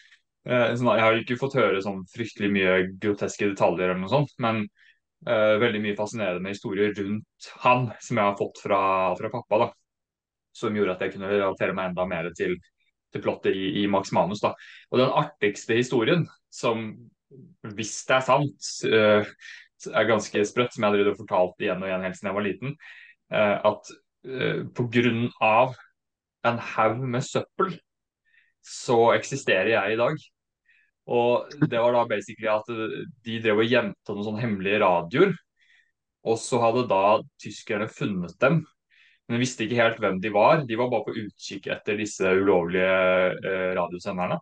Og hadde jo da, ut fra sånn som jeg blitt fortalt i historien i hvert fall, ordre om å skyte disse på stedet. Eller i hvert fall, de skulle i hvert fall henrettes hvis de drev med disse radioene. Og eh, de hadde jo en sånn radio i den, det rommet de, de gjemte seg i. Eh, men tyskerne lette jo da overalt i det rommet og rotet ut alt fra alle hyller. Det eneste stedet de ikke lette, var under en liten søppelhaug som lå på bakken. Uh, og de kastet alt rotet som de tok ut fra hyller og sånn, oppå denne søppelhaugen og bare lagde den haugen større og større. Så fordi de ikke lette under denne søppelhaugen, så ble da, ifølge historien i hvert fall, ikke farfaren min henrettet, som gjorde at faren min ble født og jeg ble født. Og små, små detaljer her i verden som, eh, som styrer eh, hvem som, hvem som, får liv og ikke her. Så respekter, eh, respekter søppel. Det er det jeg har tenkt siden jeg var liten. Så det, det følte jeg var sånn Jeg har liksom tenkt på mange ganger at, at det er liksom en scene som jeg har hatt liksom så klare detaljer av i hodet mitt at jeg nesten burde lage en, altså jeg burde lage en kortfilm eller et eller annet ut av den historien. eller, eller lage det til en sånn mininovelle eller et eller annet sånt. da. Uh, så ja, vi får se. Kanskje dere kan spille Emanuel kan spille farfaren min, og så kan dere to spille tyske offiserer eller noe sånt. Ok, Remi, da skal du få lov til å komme med din uh, nummer uh, tre. Ja, jeg bare, først så, Etter den ranten din om at vi lager for mye eh, andre verdenskrigsfilmer i Norge, syns ja. du Sindre, at vi har en andre verdenskrig-fatigue? Det er litt vanskelig for meg å dømme, fordi jeg jeg har, jeg har sluttet å se disse på kino. sånn at eh, jeg kan bare si at jeg er litt smålei av at nesten hver gang jeg går og ser en trailer for en ny, stor norsk film, så er det en krigsfilm. Så jeg, jeg, tok meg selv veldig i det de siste gangene at bare Å ja, nå, nå, blir jeg litt sånn småfrustrert fordi jeg har lyst til at det skal komme noe annet som gjør at jeg får mer lyst til å gå på kino og se norske filmer. Uh, så det er bare fra mitt perspektiv. Men det kan godt være at hvis jeg hadde sett mange av de som jeg ikke har sett, at jeg hadde vært likt de såpass godt at jeg ikke hadde tenkt på det som et problem. Det blir litt sånn som med superheltfilmer òg, at jeg tror det er mange av de som føler på sånn superheltfatigue, som kanskje ikke går og ser så veldig mange av de, men de bare ser traileren og så bare Å, her er enda en av de. Enda en av de, og så gidder de ikke å gå og se de, men hvis de hadde gått og sett de, i hvert fall de beste av de, så hadde de kanskje tenkt på det på en annen måte. og bare, ok, men Kanskje den er litt teit, men den, men den forrige eller den neste, den er kul. Uh, så, så at, ja, jeg, jeg, baserer det egentlig mer bare på den, den lysten om å faktisk gå og se norsk film på kino. Og krigsfilm er en av de sjangerne jeg liker minst i utgangspunktet. Så ja, fra mitt perspektiv så er det litt sånn fatigue. Men uh, jeg, da snakker jeg bare fra mitt egoistiske uh, synspunkt, egentlig. Ja, eh, jeg bare spør fordi at jeg er jo 100 enig med deg. For jeg òg Ja. føler på det. Ja. ja. Det er bra. Roy skal få lov til å skyte inn noe før du fortsetter. forhold til andre ver verdenskrigsfilmer, så føler jeg jo på en måte at, eh, mye av det kan bli dannet ned til dette er en person som føler urettferdighet. Derfor så, så blir han en uh, sånn der uh, re resistance-kjemper. Uh, og så er det på en måte eh, den personen mot na nazistene, da. Jeg Mm. føler på, på en måte at den storyen går igjen i, i veldig mange av filmene. sånn at når jeg så kampen om Narvik, så selv om det er kult å se det fra Narvik sitt syn, så føler jeg jo at det blir jo litt likt som Max Manus, bare et annet sted. Ja, og nå kom jeg faktisk på en, eh, en samtale som jeg hadde for eh, litt over en uke siden. Nevnte jo det at jeg har en, eh, en venninne som jobber som filmprodusent. Og hun, vi snakket jo akkurat om det her, om at norsk film innvilger så innmari mye penger til krigsfilmer.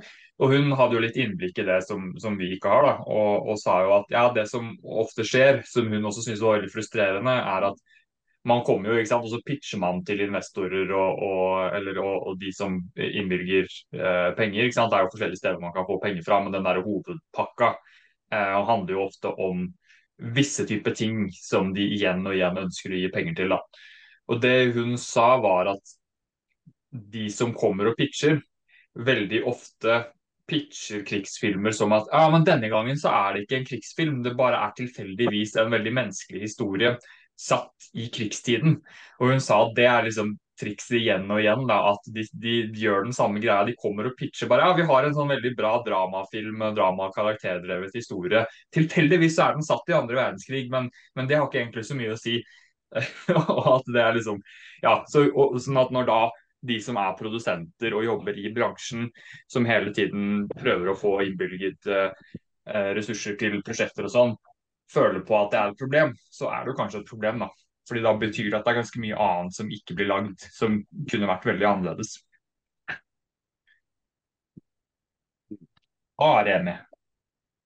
Jeg eh, vil også bare skyte inn at um, det her er kanskje bare spesielt for bergensere, men den eneste norske krigsfilmen jeg savner, er om Televåg-saken og spionene som reiser til England og sånt. Det hadde vært en kul film.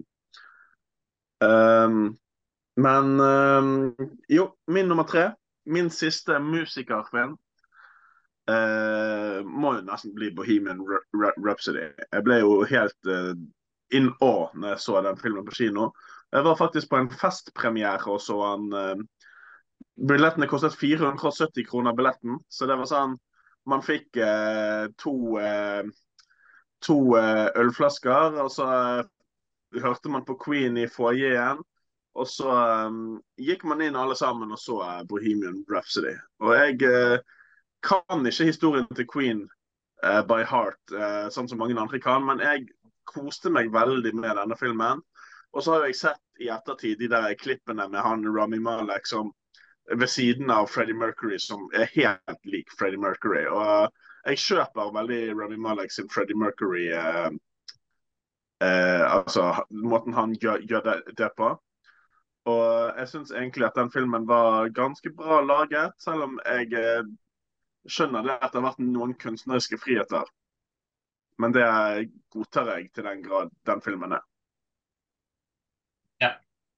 Jeg regna med at den kom til å komme på et eller annet tidspunkt på litt der. Der kom gjespen. Den obligatoriske gjespen. Uh, ja, da er det meg igjen, da, faktisk. På uh, min uh, andreplass. Og jeg, altså, jeg, jeg, tenker sånn at det her må være den lista hvor det er Jeg, jeg lurer på om kanskje ikke det er noen av de filmene jeg har som noen av dere har. Det kan være at førsteplassen min, men jeg tviler veldig sterkt på at det er noen av dere som har andreplassen min. Uh, og det er Cinderella Man. Vet dere hvilken film det er? Jeg har hørt om den i hvert fall. Du har ikke sett den? Nei, jeg har bare hørt om den. Oi, oi, oi. Emanuel. Jeg har Skriv den. nå. Jeg har den. Jeg Ja, har du- den i hylla. Du vet ikke hva du har gått glipp av der, altså. Og det, altså, det er sikkert veldig bra å se hjemme, men det er kinofilm, altså. Det er skikkelig god kinofilm. Og det er jo da basert på en historie, eller det er en ekte bokser som levde for veldig lenge siden, som uh, har en veldig fascinerende underdog-story. Uh, veldig sånn klassisk, enkel historie om en bokser som har mye, og så mister han det, og så har han en vanskelig periode i livet sitt, og så må han ta opp boksinga igjen for å faktisk kunne leve og, og brødfø familien sin. Da, sånn at det er ingen, ingenting som er så veldig originalt med storyen. Den er bare utført så utrolig bra. Med, det er jo regissert av uh, Ron Howard med Russell Crowe i hovedrollen. Paul Giamatti som uh, treneren hans. Han ble vel nominert til uh, Eller kanskje til og med vant. Paul Giamatti beste, beste birolle altså, alle ledd i den filmen. Kjempebra. Eneste jeg kanskje ikke elska i filmen, var, eh, var René Selweger som, eh, som, kona til Russell Crowe. Hun var ikke dårlig, men jeg, jeg følte bare at hun, hun, falt akkurat i den filmen. Kanskje det var noe med karakteren hennes som ikke var like lett å, å like som, som, de andre. Men eh, ellers så er det en helt fortreffelig film med Veldig god dramaturgi, eh, fantastisk eh, musikk, kampscener som er helt, helt på øverste hylle. Sånn at den er sånn, Hvis jeg skulle laget en rangering av de beste kampsportfilmene eh, gjennom tidene, så ville den vært kanskje topp tre da, eh, foran mange av, av Rocky-filmene, faktisk. Så Emanuel, ut fra det smaken du har, altså hvis ikke du gir den minst åtte av ti, så, så, skjønner jeg ikke hvilket parallelle univers jeg har uh, havna inn i. OK, nå snakker jeg, snakker jeg, litt for lenge igjen her, så jeg må arrestere meg selv og kaste over til eh, deg, Emanuel. Ja, på min eh, andreplass eh, så har jeg en film som handler veldig mye om det jeg har jobba med opp igjennom. Eh, det handler om en person som prøvde seg på å bli kjent med meg uten at jeg visste hvem han var på det tidspunktet. Men jeg har jo en ganske lang erfaring innen salg. Og jeg synes eh, det å se energiske salgsmiljøer og se hvor realistisk det er, og hvor galt det faktisk kan gå når man er veldig høy på seg sjøl og høy på salg, det, det, synes jeg er veldig treffende. Eh, det er filmen om Jordan Belfort jeg skal frem til. 'Wolf of Wall Street' med Leonardo DiCaprio i hovedrollen, den har jeg på, på andreplass. Og det er true story at Jordan Belfort, den ekte personen, holdt jeg på å si, prøvde seg på å bli kjent med meg en gang i tida. Og jeg tok og avslo den forespørselen, eh, selv om han forklarte hvem han var. fordi at jeg visste ikke hvem han var på det tidspunktet. Det er en kul historie. Det er en fryktelig kul historie. Når ikke helt ja. opp til søppelhistorien min om naziene og, og sånn, men, eh, men, eh, fryktelig, fryktelig god historie. Litt mer filmrelevant også. Ja.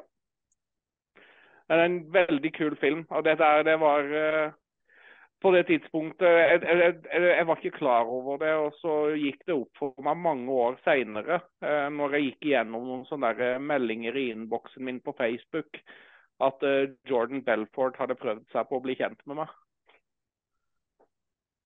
Ja, nei, jeg tror ikke jeg har hatt noen interactions med noen så store kjendiser uh, noen gang. Jeg tror det nærmeste jeg kommer uh, ut fra hodet mitt, er vel uh, uh, manageren til Will Smith. da jeg var i, Hollywood. Han, han, holdt foredrag for oss og snakket en del med, med meg og de jeg gikk, i, gikk på folkehøyskole med. Det, det, tror jeg er det nærmeste jeg kommer. OK, Roy.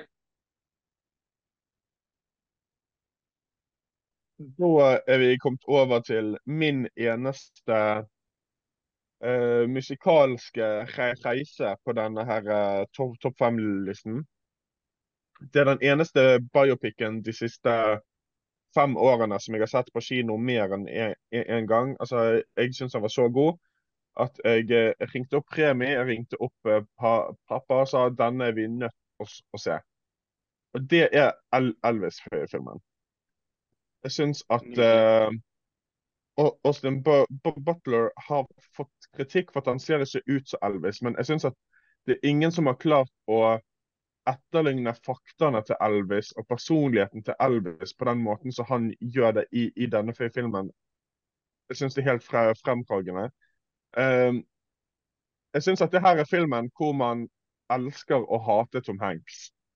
Um, Colonel Parker kommer jo for alle Elvis-fans til for evig tid til å være skurken i, i historien. Og det blir vist på en eh, fremragende måte i denne filmen. Så, så, kan man stille seg selv spør spørsmålet til hvor accurate filmen er. Men for narrativet som Bess Lurman tar oss igjennom i Elvis-filmen, så, så synes jeg at dette her er for meg den beste biopicen basert på en artist. Ja. Den har jeg fortsatt heller ikke uh, sett. Men jeg er jo ikke sånn superfan av Elvis eller, uh, eller biopic uh, som handler om artister sånn generelt. Men den er jo ganske tilgjengelig på, på, streaming, så den vil jo ikke koste meg noen ting å se. Så den, den burde jeg absolutt gi en sjanse. Jeg er jo veldig glad i de skuespillerne som, som er med der. OK. Remi, din nummer to.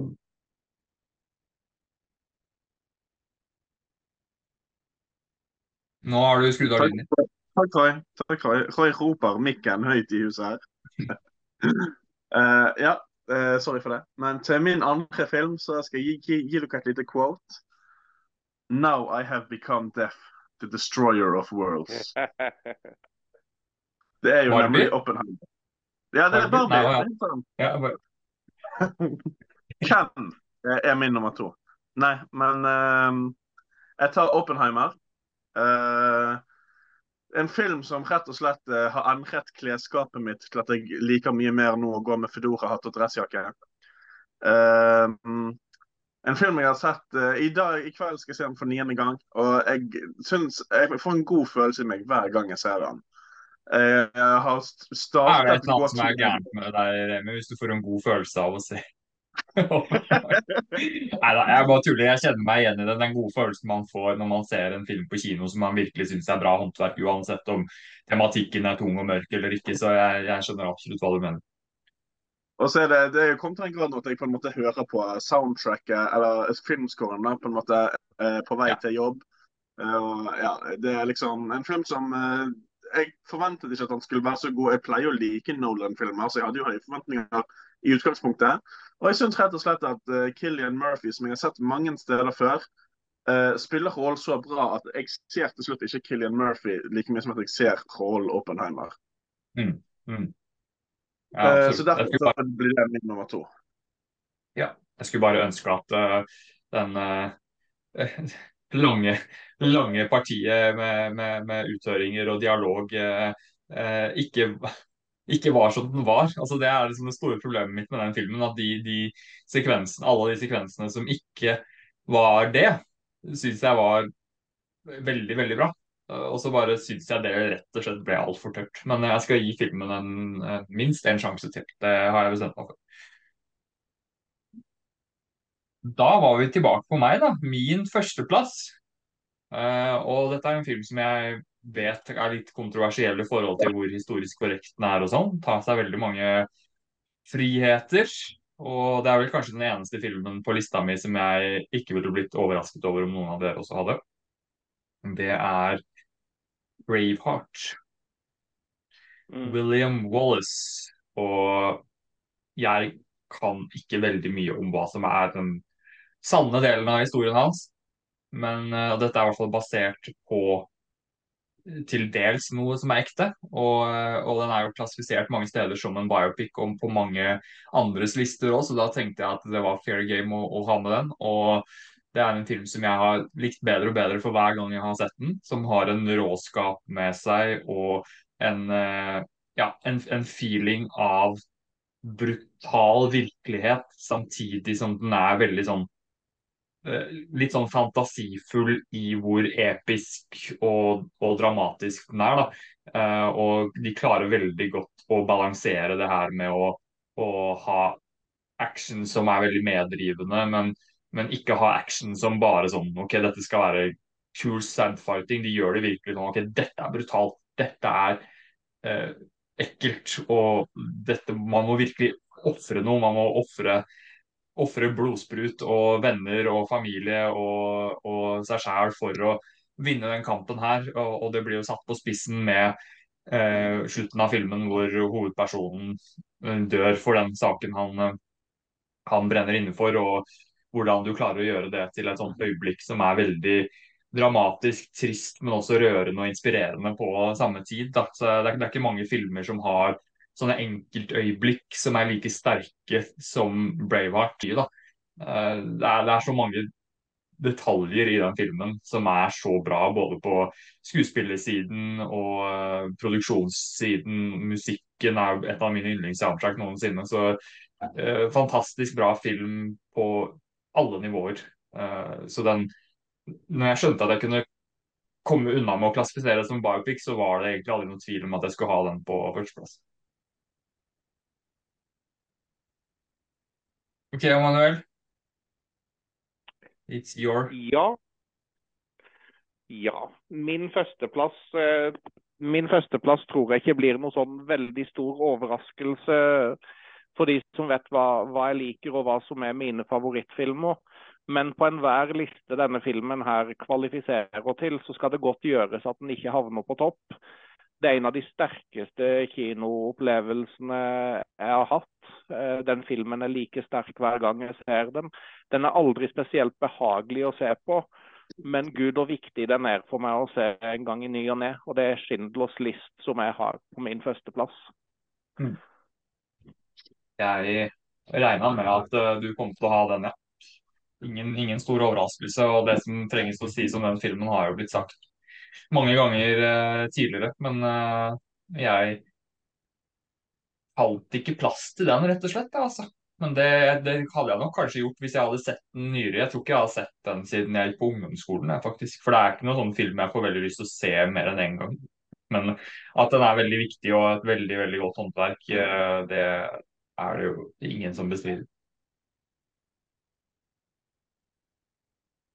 Roy Jesper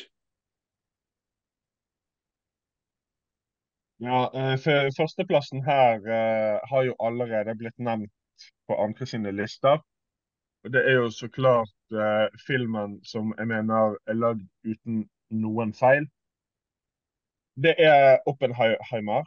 Um, for meg så er det er tre timer som ikke føles som tre, tre timer.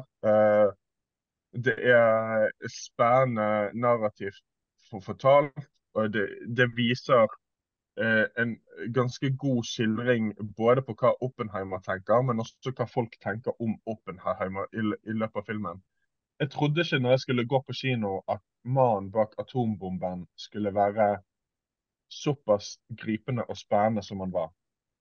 Eh, og eh, jeg syns at han fortjener all den praisen som han har fått. Eh, og jeg, jeg, forventer at han eh, stikker hjem om et par måneder med et par sta, sta, statuetter i hånden. Ja, det, det, tror jeg nok også den gjør. Men uh, sier det samme som jeg sa etter at jeg hadde sett filmen, at jeg blir faktisk veldig overraska uh, eh, hvis den vinner beste film. Men det har jo litt å si hva som kommer utover høsten, da, og hva som eventuelt blir utsatt. og sånn. Det kan jo være den ender opp med å få mindre konkurranse enn det vanligvis ville fått. OK, Remi. Da er vi kommet til min number one movie uh, of the biopics. Og uh, da skal vi faktisk til uh, en mann som ofte blir kalt for et geni. graduerte seg ut av MIT i ung alder. sønnen til et annet geni. Vi skal selvfølgelig til Iron Man. nei da. Kødder med dere. jeg skal rett og slett ta dere med til kanskje det mest kontroversielle valget jeg har. For noen ville sagt at jeg juksa litt her. En film jeg har sett mer enn Oppenheimer, forresten. Men musikal Hamilton kom på en filmversjon i 2020. som handler om eh, Amerikas første finansminister, Alexander Hamilton. Um, og Den har jeg sett sånn over 30 ganger. Uh, så jeg går for den. Den gjorde faktisk at jeg ble såpass interessert at jeg rett og slett kjøpte meg denne boken om Alexander Hamilton. Altså ikke da musikal, men eh, den ekte Alexander Hamilton. Um, og faktisk, selv om det i begynnelsen bare var kule sanger som jeg jivet med på, så uh, gjorde det meg interessert i amerikansk historie på en måte ingenting annet har gjort før. Så det syns jeg var veldig kult. Og det, De sier at det, det er noen ting av den som er veldig historisk unøyaktig, men det er også ting av den som er veldig nøyaktig. Så en stor anbefaling for meg. Hvis du ikke har sett den på Disney Pluss, så kan du se musikal Hamilton der. I en filmversjon. Selv om det egentlig er en teaterstykke. Ja. Den, eh, den, eh, pitcher du eh, bra til oss, Remi. du har nevnt den relativt mange ganger nå, så det spørs om ikke de av oss som ikke har sett den, må se den. Det er kanskje bare meg som ikke har sett den. Så det, den, er, den er på Disney pluss, sier du? Ja. Ok. Ja, da var vi igjennom, da. Men vi har litt å ta tak i fortsatt her. Vi skal kåre, kåre en vinner som har den beste lista, og så skal vi se tilbake på augustfilmene og se frem mot septemberfilmene før vi avslutter med et par eh, anbefalinger helt til slutt. Så jeg tenker at vi bare drar opp tempoet litt uh, nå, ja, fordi nå, har vi, eh, nå begynner det her å bli rekordlangt, uh, tror jeg. Eh, hvis vi ikke klipper ut noe. Så jeg ramser opp mine igjen. Jeg hadde da Jeg hadde Blanke jeg igjen.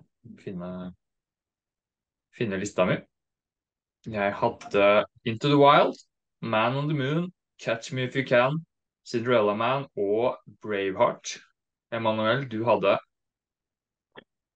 Jeg hadde På lista mi så hadde Eddie the, Eddie the Eagle, jeg hadde Walk the Line, Gran Turismo, Wolf of Wall Street og Schindlers List. Ja. Og Roy?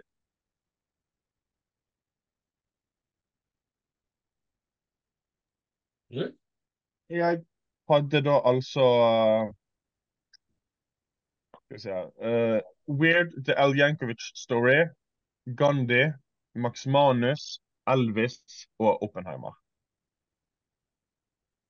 Og Remi. Yep. Min liste var Grand Turismo, uh, Tick Tick Boom, Bohemian Rhapsody, Oppenheimer og Hamilton. Ja. Da blir det vanskelig for meg, fordi det er såpass mange av de filmene som jeg enten ikke har sett, eller som jeg ikke har noe særlig forhold til. Men uh, jeg lurer rett og slett på om jeg må gi den til Emanuel, faktisk. Jeg tror det. Ja, tusen takk. Um, da vil jo jeg si det at når jeg ser på hva som er på listene deres, så jo, har dere jo alle tre filmer jeg liker. Uh, jeg tror jeg vil ta litt utgangspunkt i filmer som jeg liker, og som jeg kanskje glemte sjøl å ta med. Uh, og da er det jo Sindre, du har to filmer der som jeg har på ti av ti som jeg ikke har på lista mi, med, med både 'Braveheart' og 'Catch Me If You Can', i tillegg til at 'Man on the Moon' er en glemt perle. Og det er to filmer på lista di som jeg fikk lyst til å se. Så jeg tror jeg må gi den til Sindre. Yes! Det er lenge siden jeg har fått en stemme på de topp fem-greiene, så det, det, var viktig for meg. Den, eh, den, smakte godt. OK, Roy? Ja, um, jeg, jeg, har litt samme type utfordring som, uh, som Sindre her. hvor det er veldig mange filmer her som jeg ikke har sett. Uh, så Man on the Moon, Cinderella Man, Braveheart, Eddie the Eagle, Wolf of Wall Street og Schindlers List. Det er alle filmer som jeg ikke har, har sett. Um, så Remi vinner veldig mye på at han har filmer som jeg har sett. Um, selv om jeg syns det, det, er under enhver kritikk å ha Hamilton over Oppenheimer, så får Remi fortsette stemmen min. All right. Du favoriserer ditt eget blod, det er greit, det. OK, én stemme til meg, én stemme til Emanuel og én stemme til uh, Remi. Så ja, Remi avgjør. hvis du nå stemmer på Roy, så har vi jo alle fått én stemme hver, da. Ja, og eh, Jeg vet ikke om jeg skal velge en vinner, eller om jeg skal være ærlig og si at jeg Ja, liker du, du må bare være ærlig, og så har jeg alltid noen ideer på hvordan man kan uh, avgjøre det her uansett. Så bare gjør, gjør det du skal gjøre. Vær ærlig. Tingen er at uh, Roy uh, har jo de filmene som jeg likte best på en liste. på en måte. Så det blir ett poeng til alle sammen. Det blir ett poeng til alle sammen. Og da gjør vi det veldig enkelt at vi tar en ny runde. Bare at denne gangen så tar vi kun utgangspunkt i nummer én-filmen. Så nummer én-filmen, der hadde Manuel Schindlers liste. Roy, du hadde Oppenheimer. Og Remi hadde Hamilton. Hamilton har jeg ikke sett. Oppenheimer var jeg litt skuffa over. Og Schindlers liste er det veldig lenge siden jeg har sett, så det her var ikke veldig lett. Men jeg tror rett og slett at jeg må gå for Schindlers liste, og igjen eh, gi stemmen min til eh, Emanuel. Jo, tusen, tusen takk. Eh, jeg har ikke sett Hamilton, og jeg synes Braveheart er en bedre film enn Oppenheimer, så den går tilbake igjen til deg, Sindre. Ja, skal vi ende opp med samme greia her, at det blir likt? OK, Roy. Hvem har den beste førsteplassen? Og vi vet jo at denne gangen stemmer du på Remi. Men tingen er jo at jeg, jeg kommer til å gjøre det, for jeg, jeg har jo ikke sett de to andre fi- filmene. Å ja. OK. Ja, da er det ikke så lett. Nei, da er det ikke så lett. OK, Remi igjen. OK, greit, Remi. Schindlers eh, liste, Oppenheimer eller Braveheart?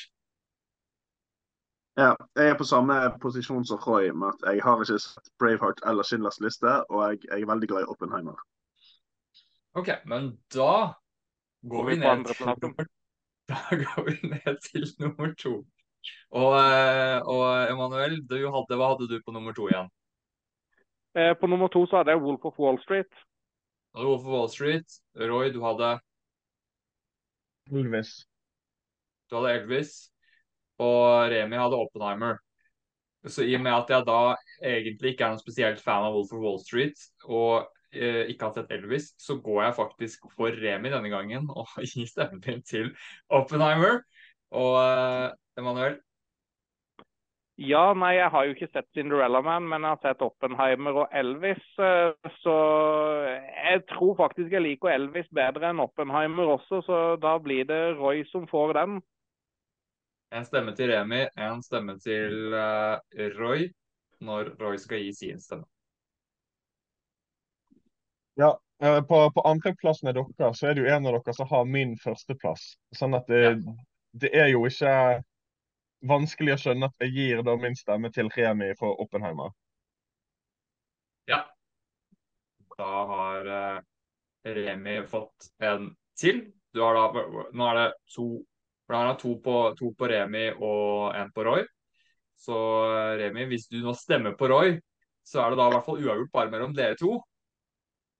Hvis du stemmer på en annen, Ja, så har du eh, Hvem eh, Det var Cinderella Man, og det var Oppenheim Um, og Elvis og uh, Wolf of Wall Street. Å ja. ehm, ja, for jeg, men jeg husker jeg var litt småskuffet over Wolf of Wall Street, Uh, for jeg hadde hørt han skulle være så mye bedre enn hva jeg Og jeg hadde litt sånn traumatiske minner fra når jeg var i salen sjøl. så det blir ikke den. Uh, Cinderella Man har jeg ikke sett, så det blir jo gjerne da Elvis. Så da er det 2-2 mellom dere. Så da er det faktisk uavgjort nå mellom dere. Og da tenker jeg jo da rett og slett at vi gjør det sånn at, eh, at eh, jeg og eh, Emanuel eh, mellom oss kan få lov til å stemme på hvem av dere, bare for å eliminere dere som nå på en måte er de to vinnerne. Så får jeg og Emanuel lov til å avgjøre hvem av dere som har den beste tredjeplassen. Og så er den da, hvis vi er enige der, så har vi en vinner. Så Roy, din tredjeplass var Max Manus. Max Manus, og Remi sin tredjeplass var Bohemian Rhapsody.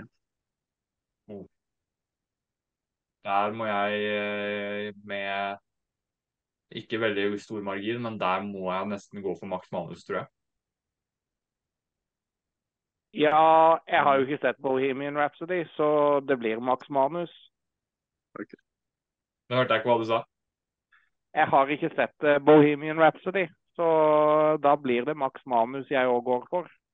Da er Roy vinneren. Endelig så klarte vi det! Rett før møtetiden vår eh, gikk ut, så da kan du få lov til å tenke litt på temaet for neste topp fem-liste, mens jeg eh, skrur av det møtet her og gjør klar for en siste økt før vi må avslutte her. Vi har vel ca. litt under en halvtime igjen før jeg får besøk, så da må vi fortsette å ha et bra tempo. Ja, Roy? Vil, jeg vil bare si at det, det er veldig gledelig å vinne en liste, selv om jeg i utgangspunktet ikke fikk mm, nesten noe stemmer. Mm. Ja, men det var jo ingen av oss som gjorde det. Alle fikk jo én, så det, det, var jo problemet. All right. Da tar vi en kjapp liten pause på to minutter. OK. Roy, har du allerede rukket å tenke på uh, hva du vil ha som tema for neste topp fem-liste? Det har jeg. Og, og uh, temaet for neste gang kommer til å være aktuelt i forhold til at uh, Doggystyle eller Stray, eller hva du vil kalle denne filmen med Will Ferrell kommer på kino. Så topp fem-listen til neste gang blir filmer med hund i hovedrolle. Med en hund i hovedrollen? Oi, oi, oi, oi. Tenker i utgangspunktet at det blir vanskelig, fordi det er jo ikke så mange. Men det er jo sikkert mange flere enn det jeg tenker. Bare å tenke på alle tegnefilmer og sånn. Ja, Hvis man tar med tegnefilmer, så er det plutselig en del mer enn det man eh, ja. Nei, men du, Det tror jeg blir faktisk en ganske artig, artig liste å lage, faktisk, når jeg, når jeg, tenker litt over det. Så det, det blir spennende. Spennende litt annerledes. Ok, men vi må kjøre videre her. Og nå skal vi ta et litt tilbakeblikk på uh, augustfilmene, men vi skal bare kjøre topp tre ganske kjapt gjennom, og så ta hva vi gleder oss mest til i september.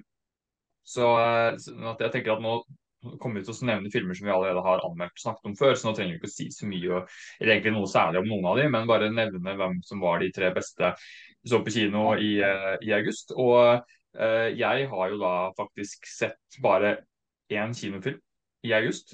Og det var Oppenheimer. Og den uh, vil jeg plassere på min tredjeplass. Så da, Emanuel, kan du få lov til å si ja. hva som var din topp tre min topp, eh, hele topp tre-lista. Topp tre for august. Ja, topp tre. Da hadde Da vil jeg si at eh, Teenage Mutant eh, Ninja Turtles, Mutant Mayhem, det er min tredjeplass. Den likte jeg veldig godt. Mm. Ja. Ja. Da bare kjør, kjør, kjør, ja. kjør andre, andreplass til førsteplassen nå. Ja. Andreplassen min er den eh, australske A24-distribuerte skrekkfilmen 'Talk to Me'. Var et frisk, eh, friskt innslag i horrorsjangeren. Og så er det ingen overraskelse om at jeg har Gran Turismo eh, på min førsteplass. Mm. Roy, det er din.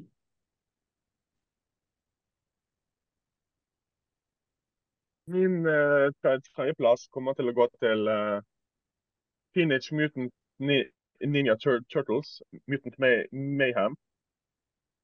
Uh, Andreplassen min går til uh, Jesus Re Revolution.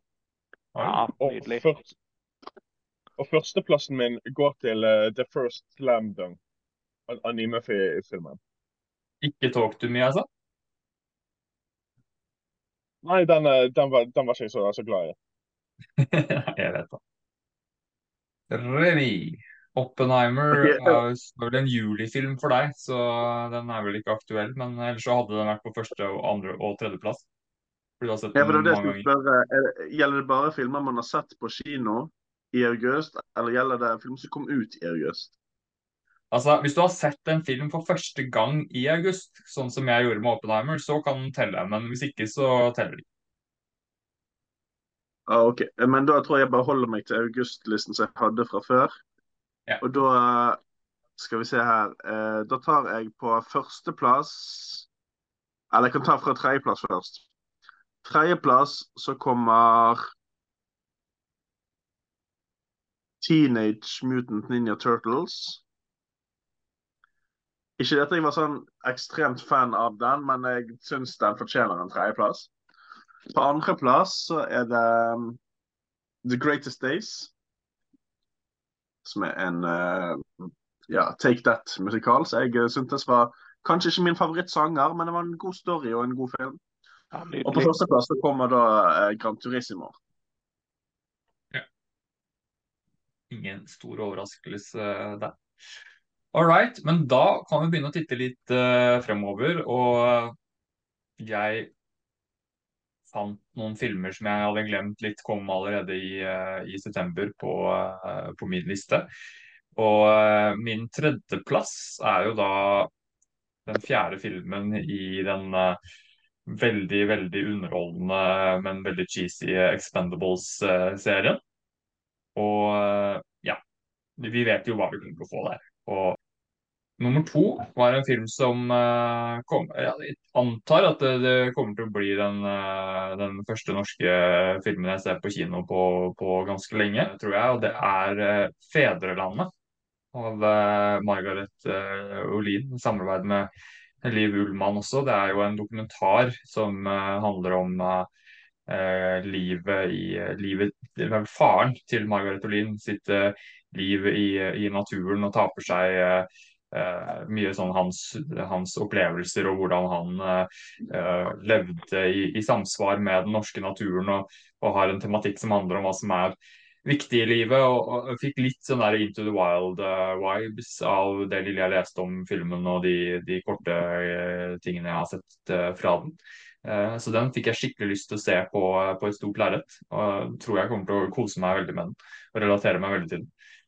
Uh, og så på førsteplass så har vi jo da noe som er veldig, sånn, litt, kanskje litt naivt om meg, tror at det kommer til å bli en veldig god film, men uh, uh, det er en sjanger som jeg er veldig glad i, og det er det jo The Creator, som er en sci-fi actionfilm fra Gareth Edwards, som tidligere har regissert Monster, Godzilla og Eh, han prøvde å regissere Rogue One, og så er det vel litt sånn uklart hvor mye av den, det ferdige produktet der som egentlig var han, men, eller, eller, eh, Tony Gilroy som kom inn for å fikse. Så han er jo ikke noen sånn veldig sterk regissør i mine øyne, men uh, konseptet og traileren fikk meg veldig hyped på den filmen, så den tror jeg kommer til å bli en Eller håper i hvert fall at kommer til å bli en veldig, veldig underholdende kinofilm.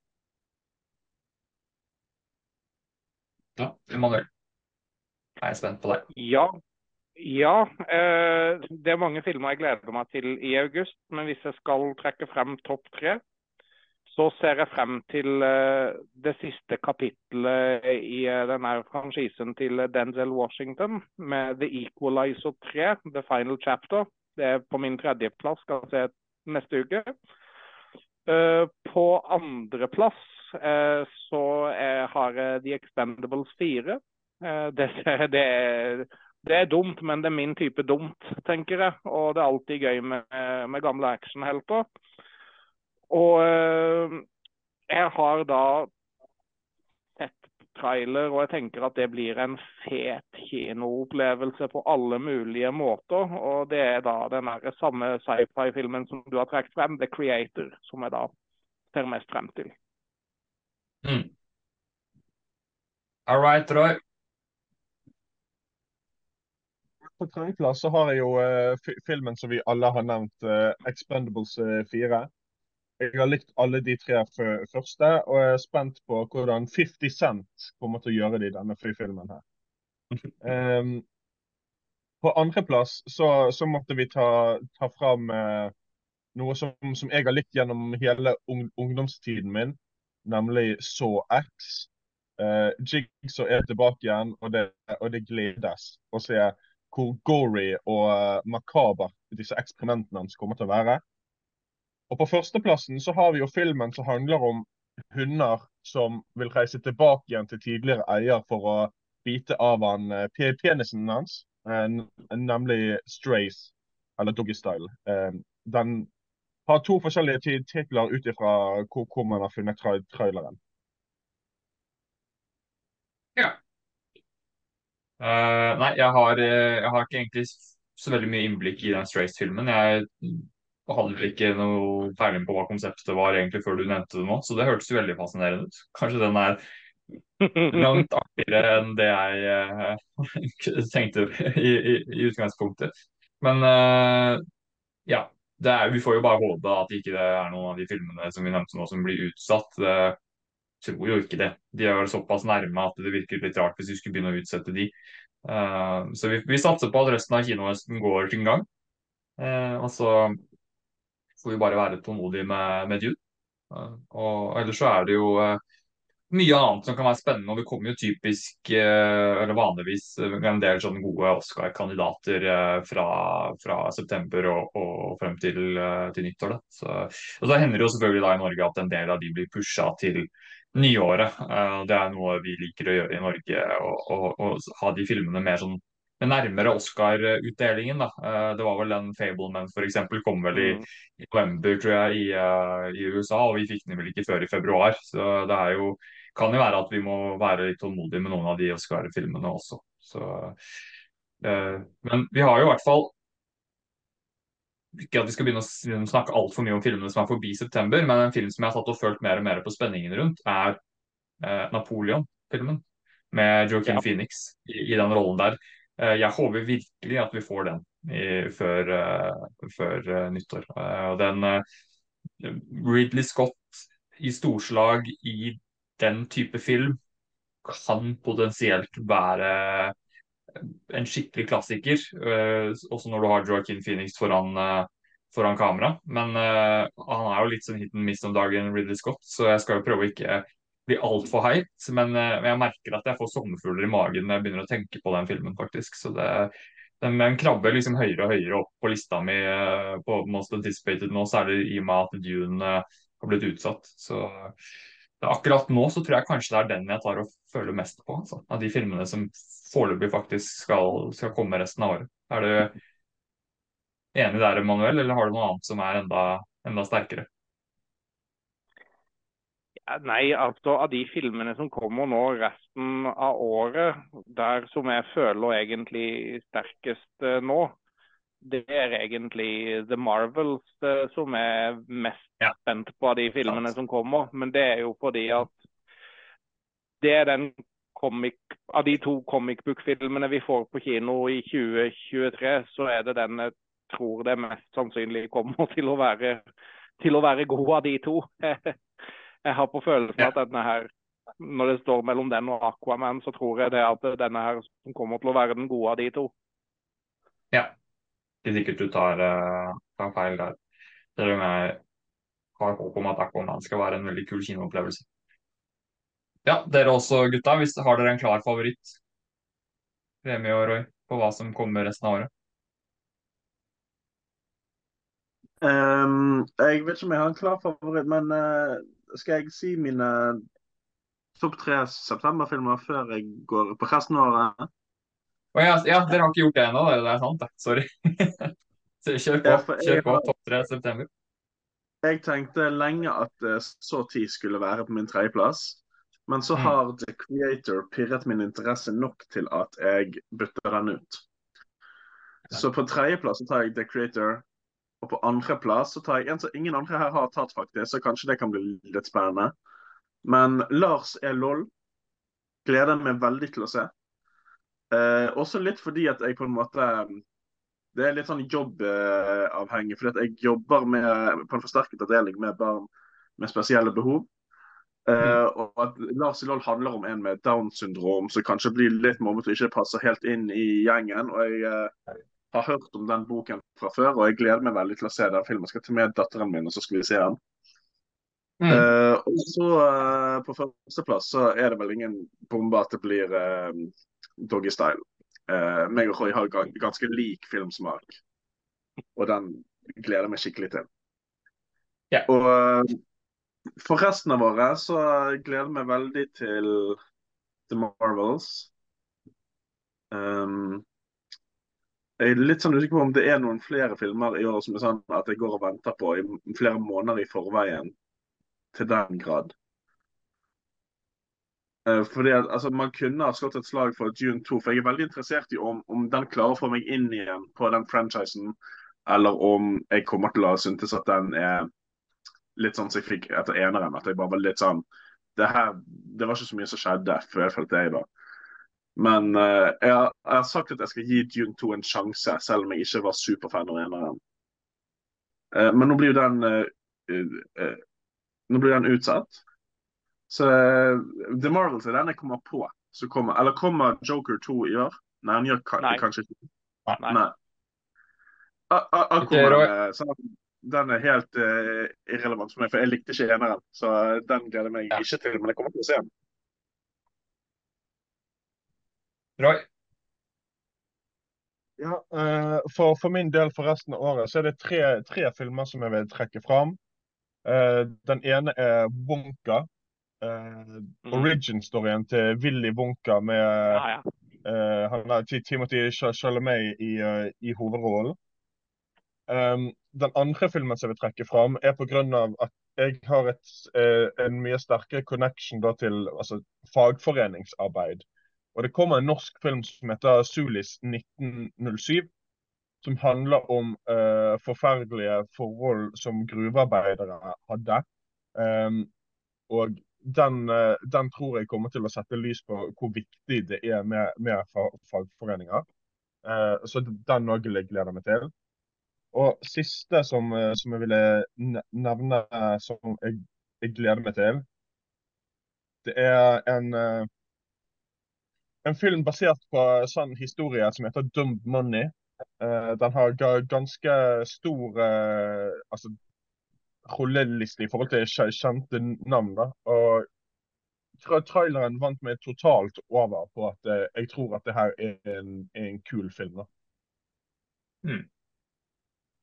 Det er vi. Roy bare minte meg akkurat på der at det kommer filmer i juletider. Og det er faktisk en film som jeg gleder meg veldig til som kommer første juledag. Uh, jeg pleier å si 'ta vare på barnet i deg sjøl'. Og 'Bukkene Bruse går til badeland'.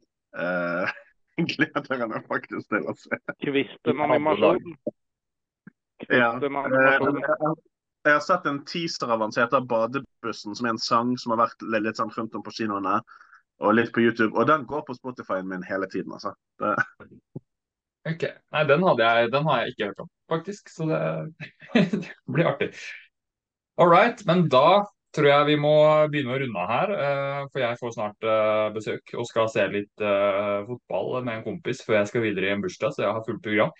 Så da tar vi litt eh, anbefalinger før vi sier eh, takk for i dag.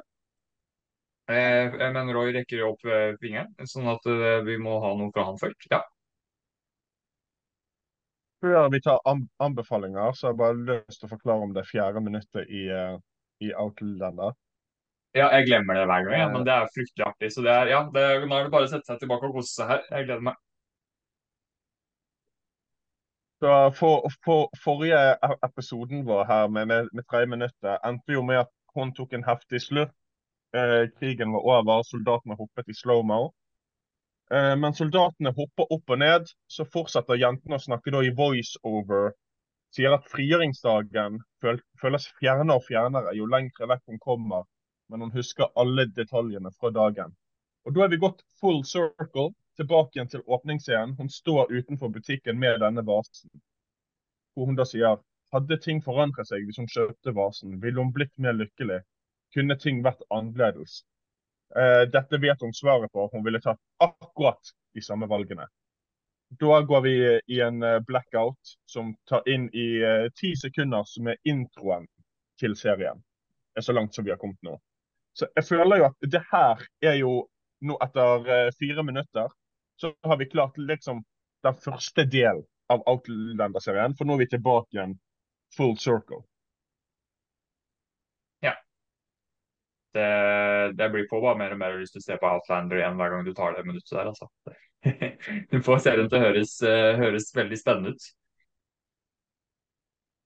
OK. Da kjører vi noen anbefalinger, og jeg tar, jeg tar og begynner, jeg. Og min anbefaling, det er en, eh, en film som eh, heter Den fryktløse. Har dere hørt om den? Ja.